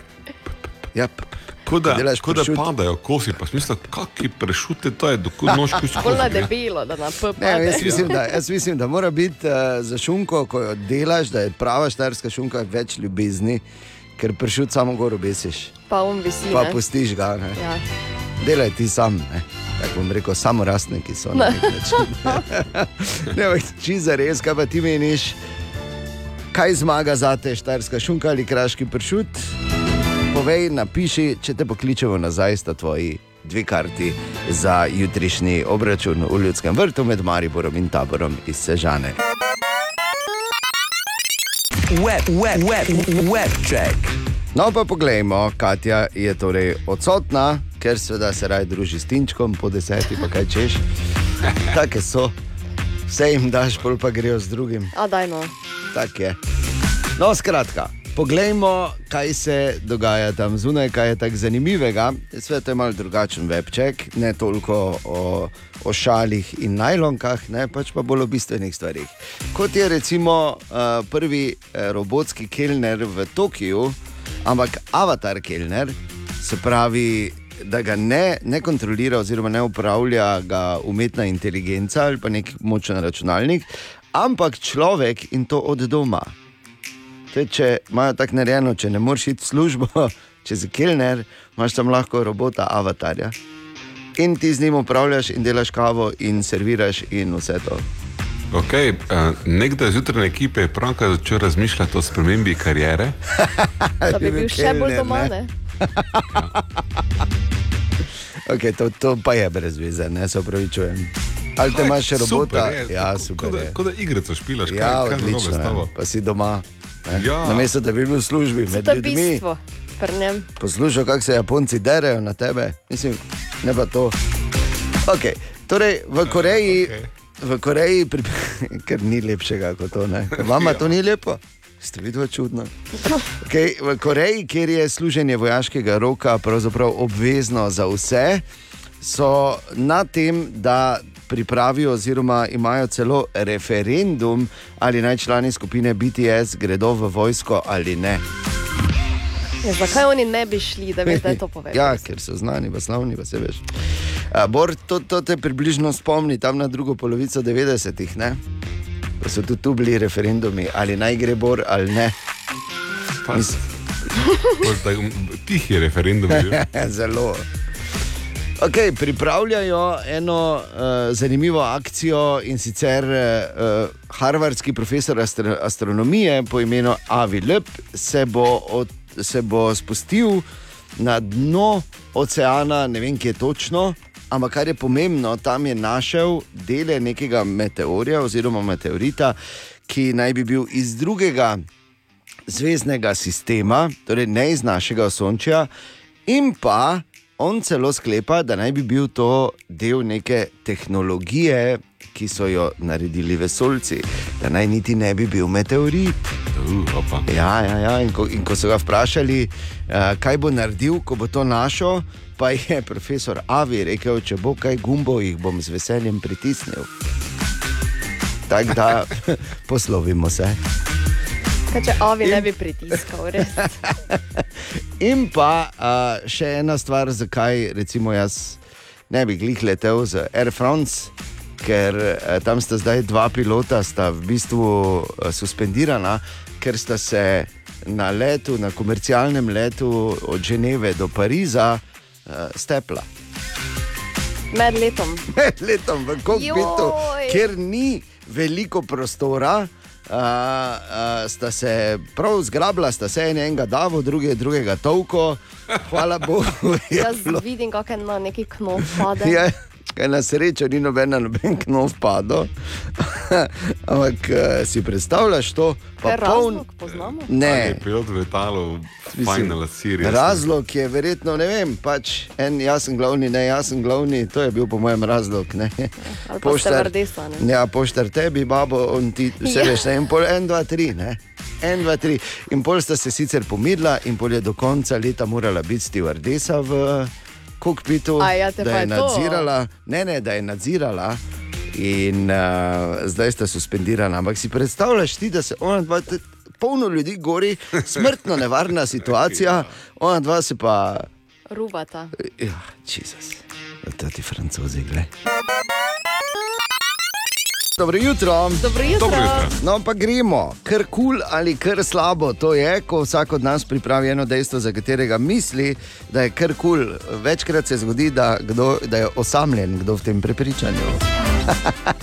Ana, V Minnesoti v enem mestecu žrebajo, kdo bo župan in v bistvu lahko deluje, ves- eh, sodeluje vsak. No, leta 2015 je bil izžreban triletni James in se je držal načela Be nice and no puppy talk. lepo, kar kul cool, bi jaz rekel. Še to, kar je boljše, ker poznam primer, ne, ja. imel je ful dosti na svetu od svojega brata, ki je dve leti starejši Au. in je bil župan predtem. tako da. No, vidiš. Ja. No puppy talk. Ja. Ja, se no, puppy talk je bil program. To bi se morali. Ni, ampak, zdaj, če tako pogledaš, principu sploh ni slab program to. Ne? Ja. Tako da, karkoli bom, zavzemal se bom za druge, uh, skrbel bom, da bomo vsi spoštovali človekove pravice in predvsem no puppy talk. Tako. Bor- Ker se prevaja, v tem mestu več noben ne bo nobenemu sral po glavi. E, bravo. in potem živi. In že delam, čakaj za beležek, okay. ker to bo prav prišlo. Torej, Bor, Eh, lokalna ribarnica eh, na tržnici torej, ja. ima prodajalko, ki si mi rekel, da nam je da gavune in je hitro zglabla v girice, brez da bi trenila. Imel sem občutek 15 minut, da sem na morju, moram povedati. res. Ja, ja. A, veš kaj, če bi jaz bil prodajalka, pa mi en reče, da bi imel gavun. Tako da že zaradi tega, ker kul. Ker kul, ker kul. Gospa, jaz bi imel gavun, prosim. Mislim, od enega gavuna ne veš si, veš, Sploh moraš ne vem, kaj je to. Kaj je to? Hobotnica mala? Girice. A, girice, ok. pardon. In pa osta... Ja, pa kaj pa jaz vem, kaj so gavuni, pojma nimam. Priznam, glej, priznam, priznam. No pupi tok. Ampak če, drži za res. Uh, ostajamo pri vodi. Veš, kaj so vedno govorile, ne? že naše mame. eh, In s čim, s čim smo gor odraščali, sploh na morju, ko si se napokal, pol si pa hotel takoj spet not leteti z masko. Ne vodo zdaj, ker ti bo želodec počo. Ja. Ne skači, ne smeš, ne id v vodo takoj pojedi, Ja. ker se lahko zgodijo najhujše stvari, najhujše, pred, najhujše stvari, ki si jih lahko predstavljaš, ever. Mislim, totalen pupi tok se lahko zgodi. Ja. ne? No, zdaj so naredili obsežno raziskavo, ampak res obsežno raziskavo, znanstveno raziskavo in ugotovili, da je to čisti mit, da ti lahko se napokaš, koliko hočeš in lahko greš takoj potem plavati. In se ti ne bo nič zgodilo, nič ti ne bo počlo, nič ne bo šlo, pač ne smeš pretiravati, jasno da, ker vsaka aktivnost eh, neposredno pojedi. Eh, Pač ok, tak ne moreš, eh, ne moreš se izkazati, kot bi se sicer, to sicer drži, ne bo se ti pa nič zgodilo. Kvečemo boš prej malo pokuro, to, kar si ne, z dodatnim kosom gibance ali pa dvema kepicama sladoleda, ki sta bili odveč, ne vseeno noter spravo. Tako da jaz bi rekel, Jaz bi se samo opravičila. Kar kul. okay. Ja, rešeno. Mislim, kakšno kul cool dejstvo smo pa imeli danes, pa predvsem no pupi tok ni bilo. Ne. Skoraj ne mogoče vprašanje. Dobro jutro. Dobro, Dobro jutro. Tekmovalca. Kako me je pa to presenetilo? Kaj? Petek je? Zamisli. In kot običajno v petek, jaz predstavim eno statistiko iz Evropske unije, ki, pod katero zapademo tudi mi, mm, in kot pač statistična napaka, običajno, ampak vseeno, šteje tudi za Slovenijo. In eh, tokrat imata vsak štiri poskuse, pa mislim, da ne bo treba toliko. Okay. Vse smo že videli tukaj, veš. Ne, od toti hole in one, na zadnje prikati. Hole in one. Pa do 15-minutnega mučenja, ker res noben vedel. tako Da. Tako. In uh, to, jaz moram reči, da je ta zelo presenetljiva danes. Skoraj ne mogoče vprašanje, ko je vprašanje veliko bolj spektakularno od odgovora ali pač.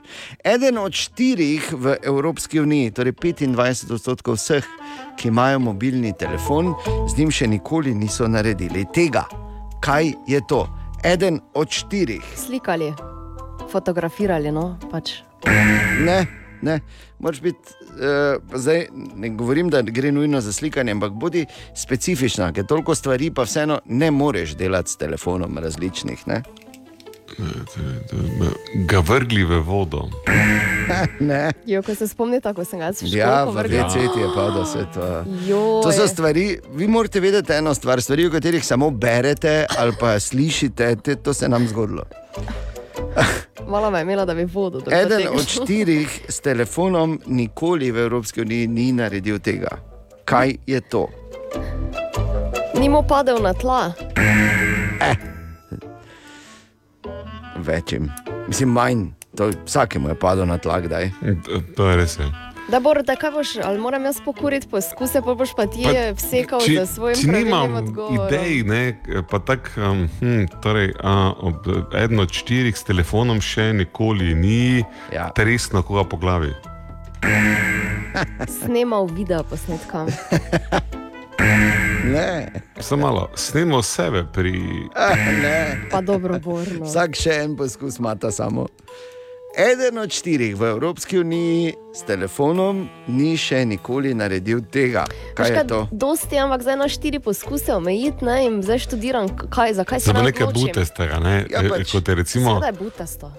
Ja, Nikoli še Ja, no, ni naredil tega je s recimo- telefonom. No, pff, Naf, ne naftni.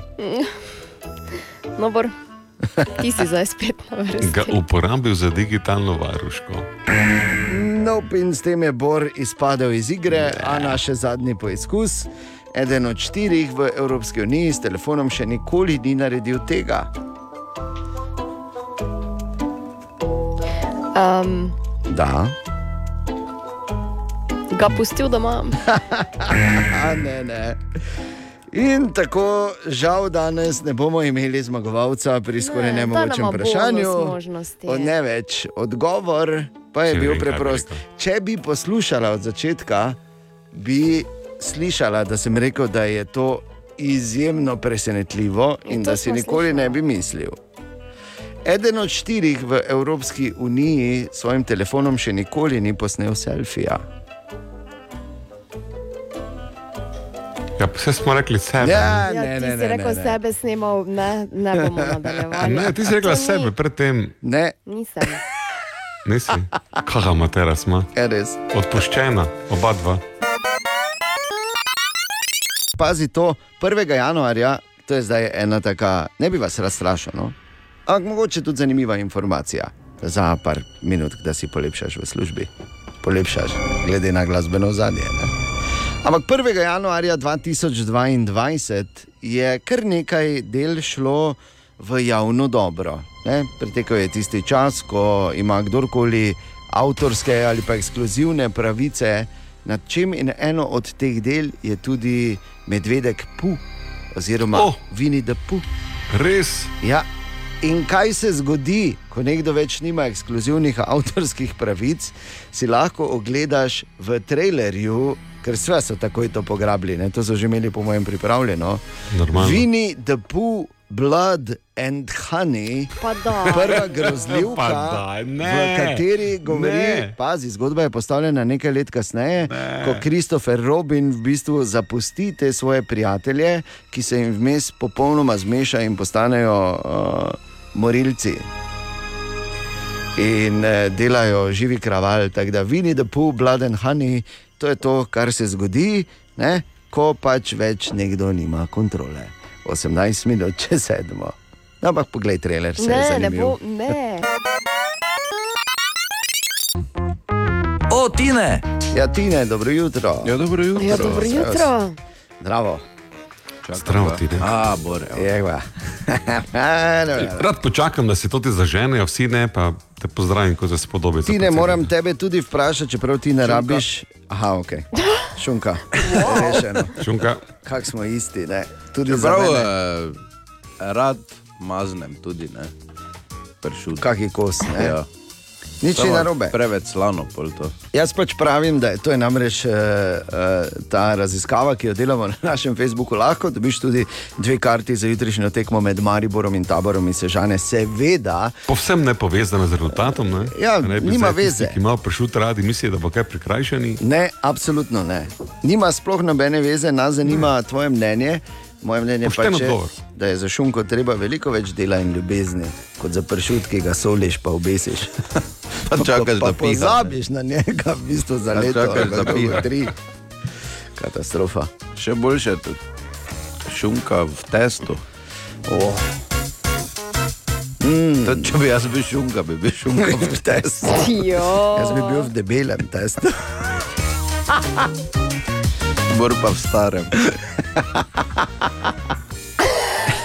Veš, ko, se, Prašunka. ko, ko je tako, da se muce že gor naredijo, veš, tisto, daj, taki no. laski. Muca sta šunka, ne šunka, Kaj, lahko v mucastem testu. To. Ja, ampak gled, to so vse stvari, ki se zgodijo, če pozabiš na njih. Ja, ne moreš na šunko v testu tako fejs pozabiti, da Res ne. muce gor naredijo. Torej, Tine, kaj imamo Kako si danes? Kam sta vidva šla, ne? Jaz Ja. razumem, jaz to samo reči, da karbonara recimo pa ne more biti s pršutom, mislim s šunko, pa je samo s pršutom lahko dobro. Ampak ne, to je.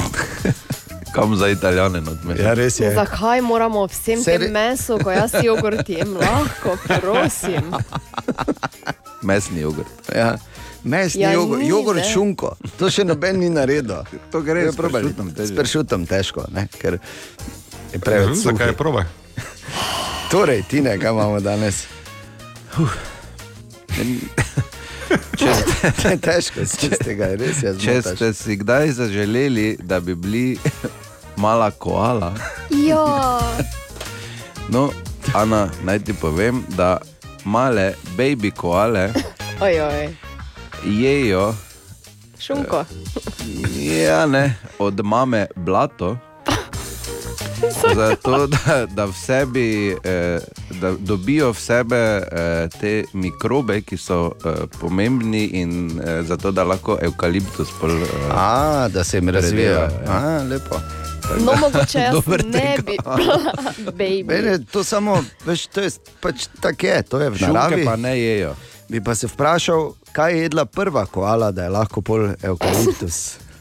Od koga Ja. blato? Od, od drugega, nekega druge živali. Samo ni pasalo, malo te pa pač. Je na eukaliptus šla. Zanimivo. Tako da, uh, če si želiš, da si mala koala, pa moraš vedeti, kaj boš jedel od začetka. In tu je vprašanje za high effect, za ta Če petek. rečeš koale in drek, ne, Ne. bom samo se vstal, pa grem stran. Ne Ker bom. To je, to je kot otroci, res. En je rekel drek in je bilo ferti, ki je zdaj se mu dve uri režali, vsi pa to si normalno. To, je. Glej, glej. Ne, pač s Tinetom smo malo preigravali Stane. scenarij, kako je Stane. so Ja, ja. štiri Sta, male koale pri lepo. večerji. Pa jaz, seveda. Okay. Ampak pazi, vprašanje za Hajfek pa ni tako daleč stran, kaj ti Beno je pisal. Pazi, Beno je pisal in sprašuje, odkot, če lahko Bor prosim razloži, odkot prihaja izraz hajzl. Ker nekaj mora tudi, ne, drekit, ne. Ja, Ne, ne, ampak to je dejansko je to Beno napisal. In iskreno povedano, tudi mene zanima, ker ni sorodno z ničemer, vemo pa, zakaj gre. Ja, tako. Pa poskusimo izbrskati etimologijo besede hajzl, brez da bi rekli. Ja, ne rabimo sploh govoriti, samo pač zdaj se menimo. Aha, aha, aha, aha, aha, aha, aha efekt. Torej, danes Bor odgovarja na vprašanje poslušalca Benota, ki ga zanima, odkot prihaja uh, ta priznani ali pa stari štajerski izraz za stranišče in sicer odkot prihaja izraz hajzl, ki je hkrati seveda tudi žaljivka. Ne, kaki Tako, hajzl ne, ker metaforično uporabljamo tudi, kak je hajzl, da si ti. Ne? Ja. Da ne bo taki hajzl. No, bo da je hajzl. Wow. ja, no. Slovenci smo si marsikaj izposodili od Nemcev, hajzl ni med njimi. To smo vzeli od Avstrijcev. Zato, ker predstavljajte si, da mora tako biti, da je bil Avstrijec, mogoče je bil malo vžgan, no, mogoče tudi ne, vun je prišel z bajte, videl malo gor po hribu tisto značilno leseno hiško. Običajno ima celo srček, tako da na mesto Ja, okna. WC na Šterbunk. ne? WC na Šterbunk, noter je pa tudi bilo ne, pač to vredno njegovega napora, predmet, na katerega se vsede in se lahko olajša. In je šel gor po hribu in je rekel: O, was für ein schönes Häusel. Ker, Mala hiška, ne? Hojzl. Ja, ne, v avstrijski nemščini je pač to hiškica. Ne, in seveda, ko smo slovenci to pobrali, ni bila to več hiškica, ampak bil samo navaden hajzl. A, ok. Skratka, kar kul. Cool. Iz nemščine kul. vseeno. Ne? Zanimivo. Hvala lepa, Bor. Smisel, da bo bolj spektakularno. No, pa Ampak najboljše stvari Je so. pa, je, no, čakaj, čakaj. Je pa alternativna zgodba, bil je gospod Hajzl. Ja, ja, Ali ja. tudi vi pogosto totavate v temi? Aha efekt, da boste vedeli več. Želimo dobro jutro. Dobro jutro. Dobro jutro. Petek, 2. september, petek, ki napoveduje prvi trgatveni vikend. Šardone pa to bomo trgali. Zilen doj. A, pač te sorte, bolj kisle za, za penino, kot je Bor sam povedal v, v, v novicah. In vreme je res super, jutra sicer bodo frišna, tako da moraš nekaj dati, not, ne veš, da te zagreje, pa kaki kos uh, gibance, pogače, če se karkoli lepo zraven, zjutraj pa tup, ne preveč tekočine takoj, samo mora biti uh, močna. Ne? Pol pa v akcijo, pol pa sproti filaš. Do absolutnega razvrata na koncu. Govorim seveda o hrani. Okay. Mislim, simpatičen recept, ne? pa ne Ja. pozabite, eh, tako trta ne sme biti v stresu, ne? tudi za vino isto. Ne? Treba je nežno. Ja. Lepo, nežno, brez stresa, ne, brez stresa, ne se preveč dreti. Naj ti nekdo mokro coto prinese, vsaj to, če že drugo ne dobiš za pit, pa tak ne. veš, kaj še je dobro štosko? Če greš, pa ne dobiš nekaj časa za pit, ali pa pač malo samo da jeziš tistega, ne, da greš do njegove mame. Ali pa žene, pa tako se primeš eh, za denarnico, pa rečeš, da je skoči mi, ali pa daš ključe od avta, če v kufer, imam, veš, sem si sam prenesel, da je skoči mi pa pijačo. Skratka, če greš na trgatev, uživaj. Dobra, mali in stari, podcast jutranje ekipe.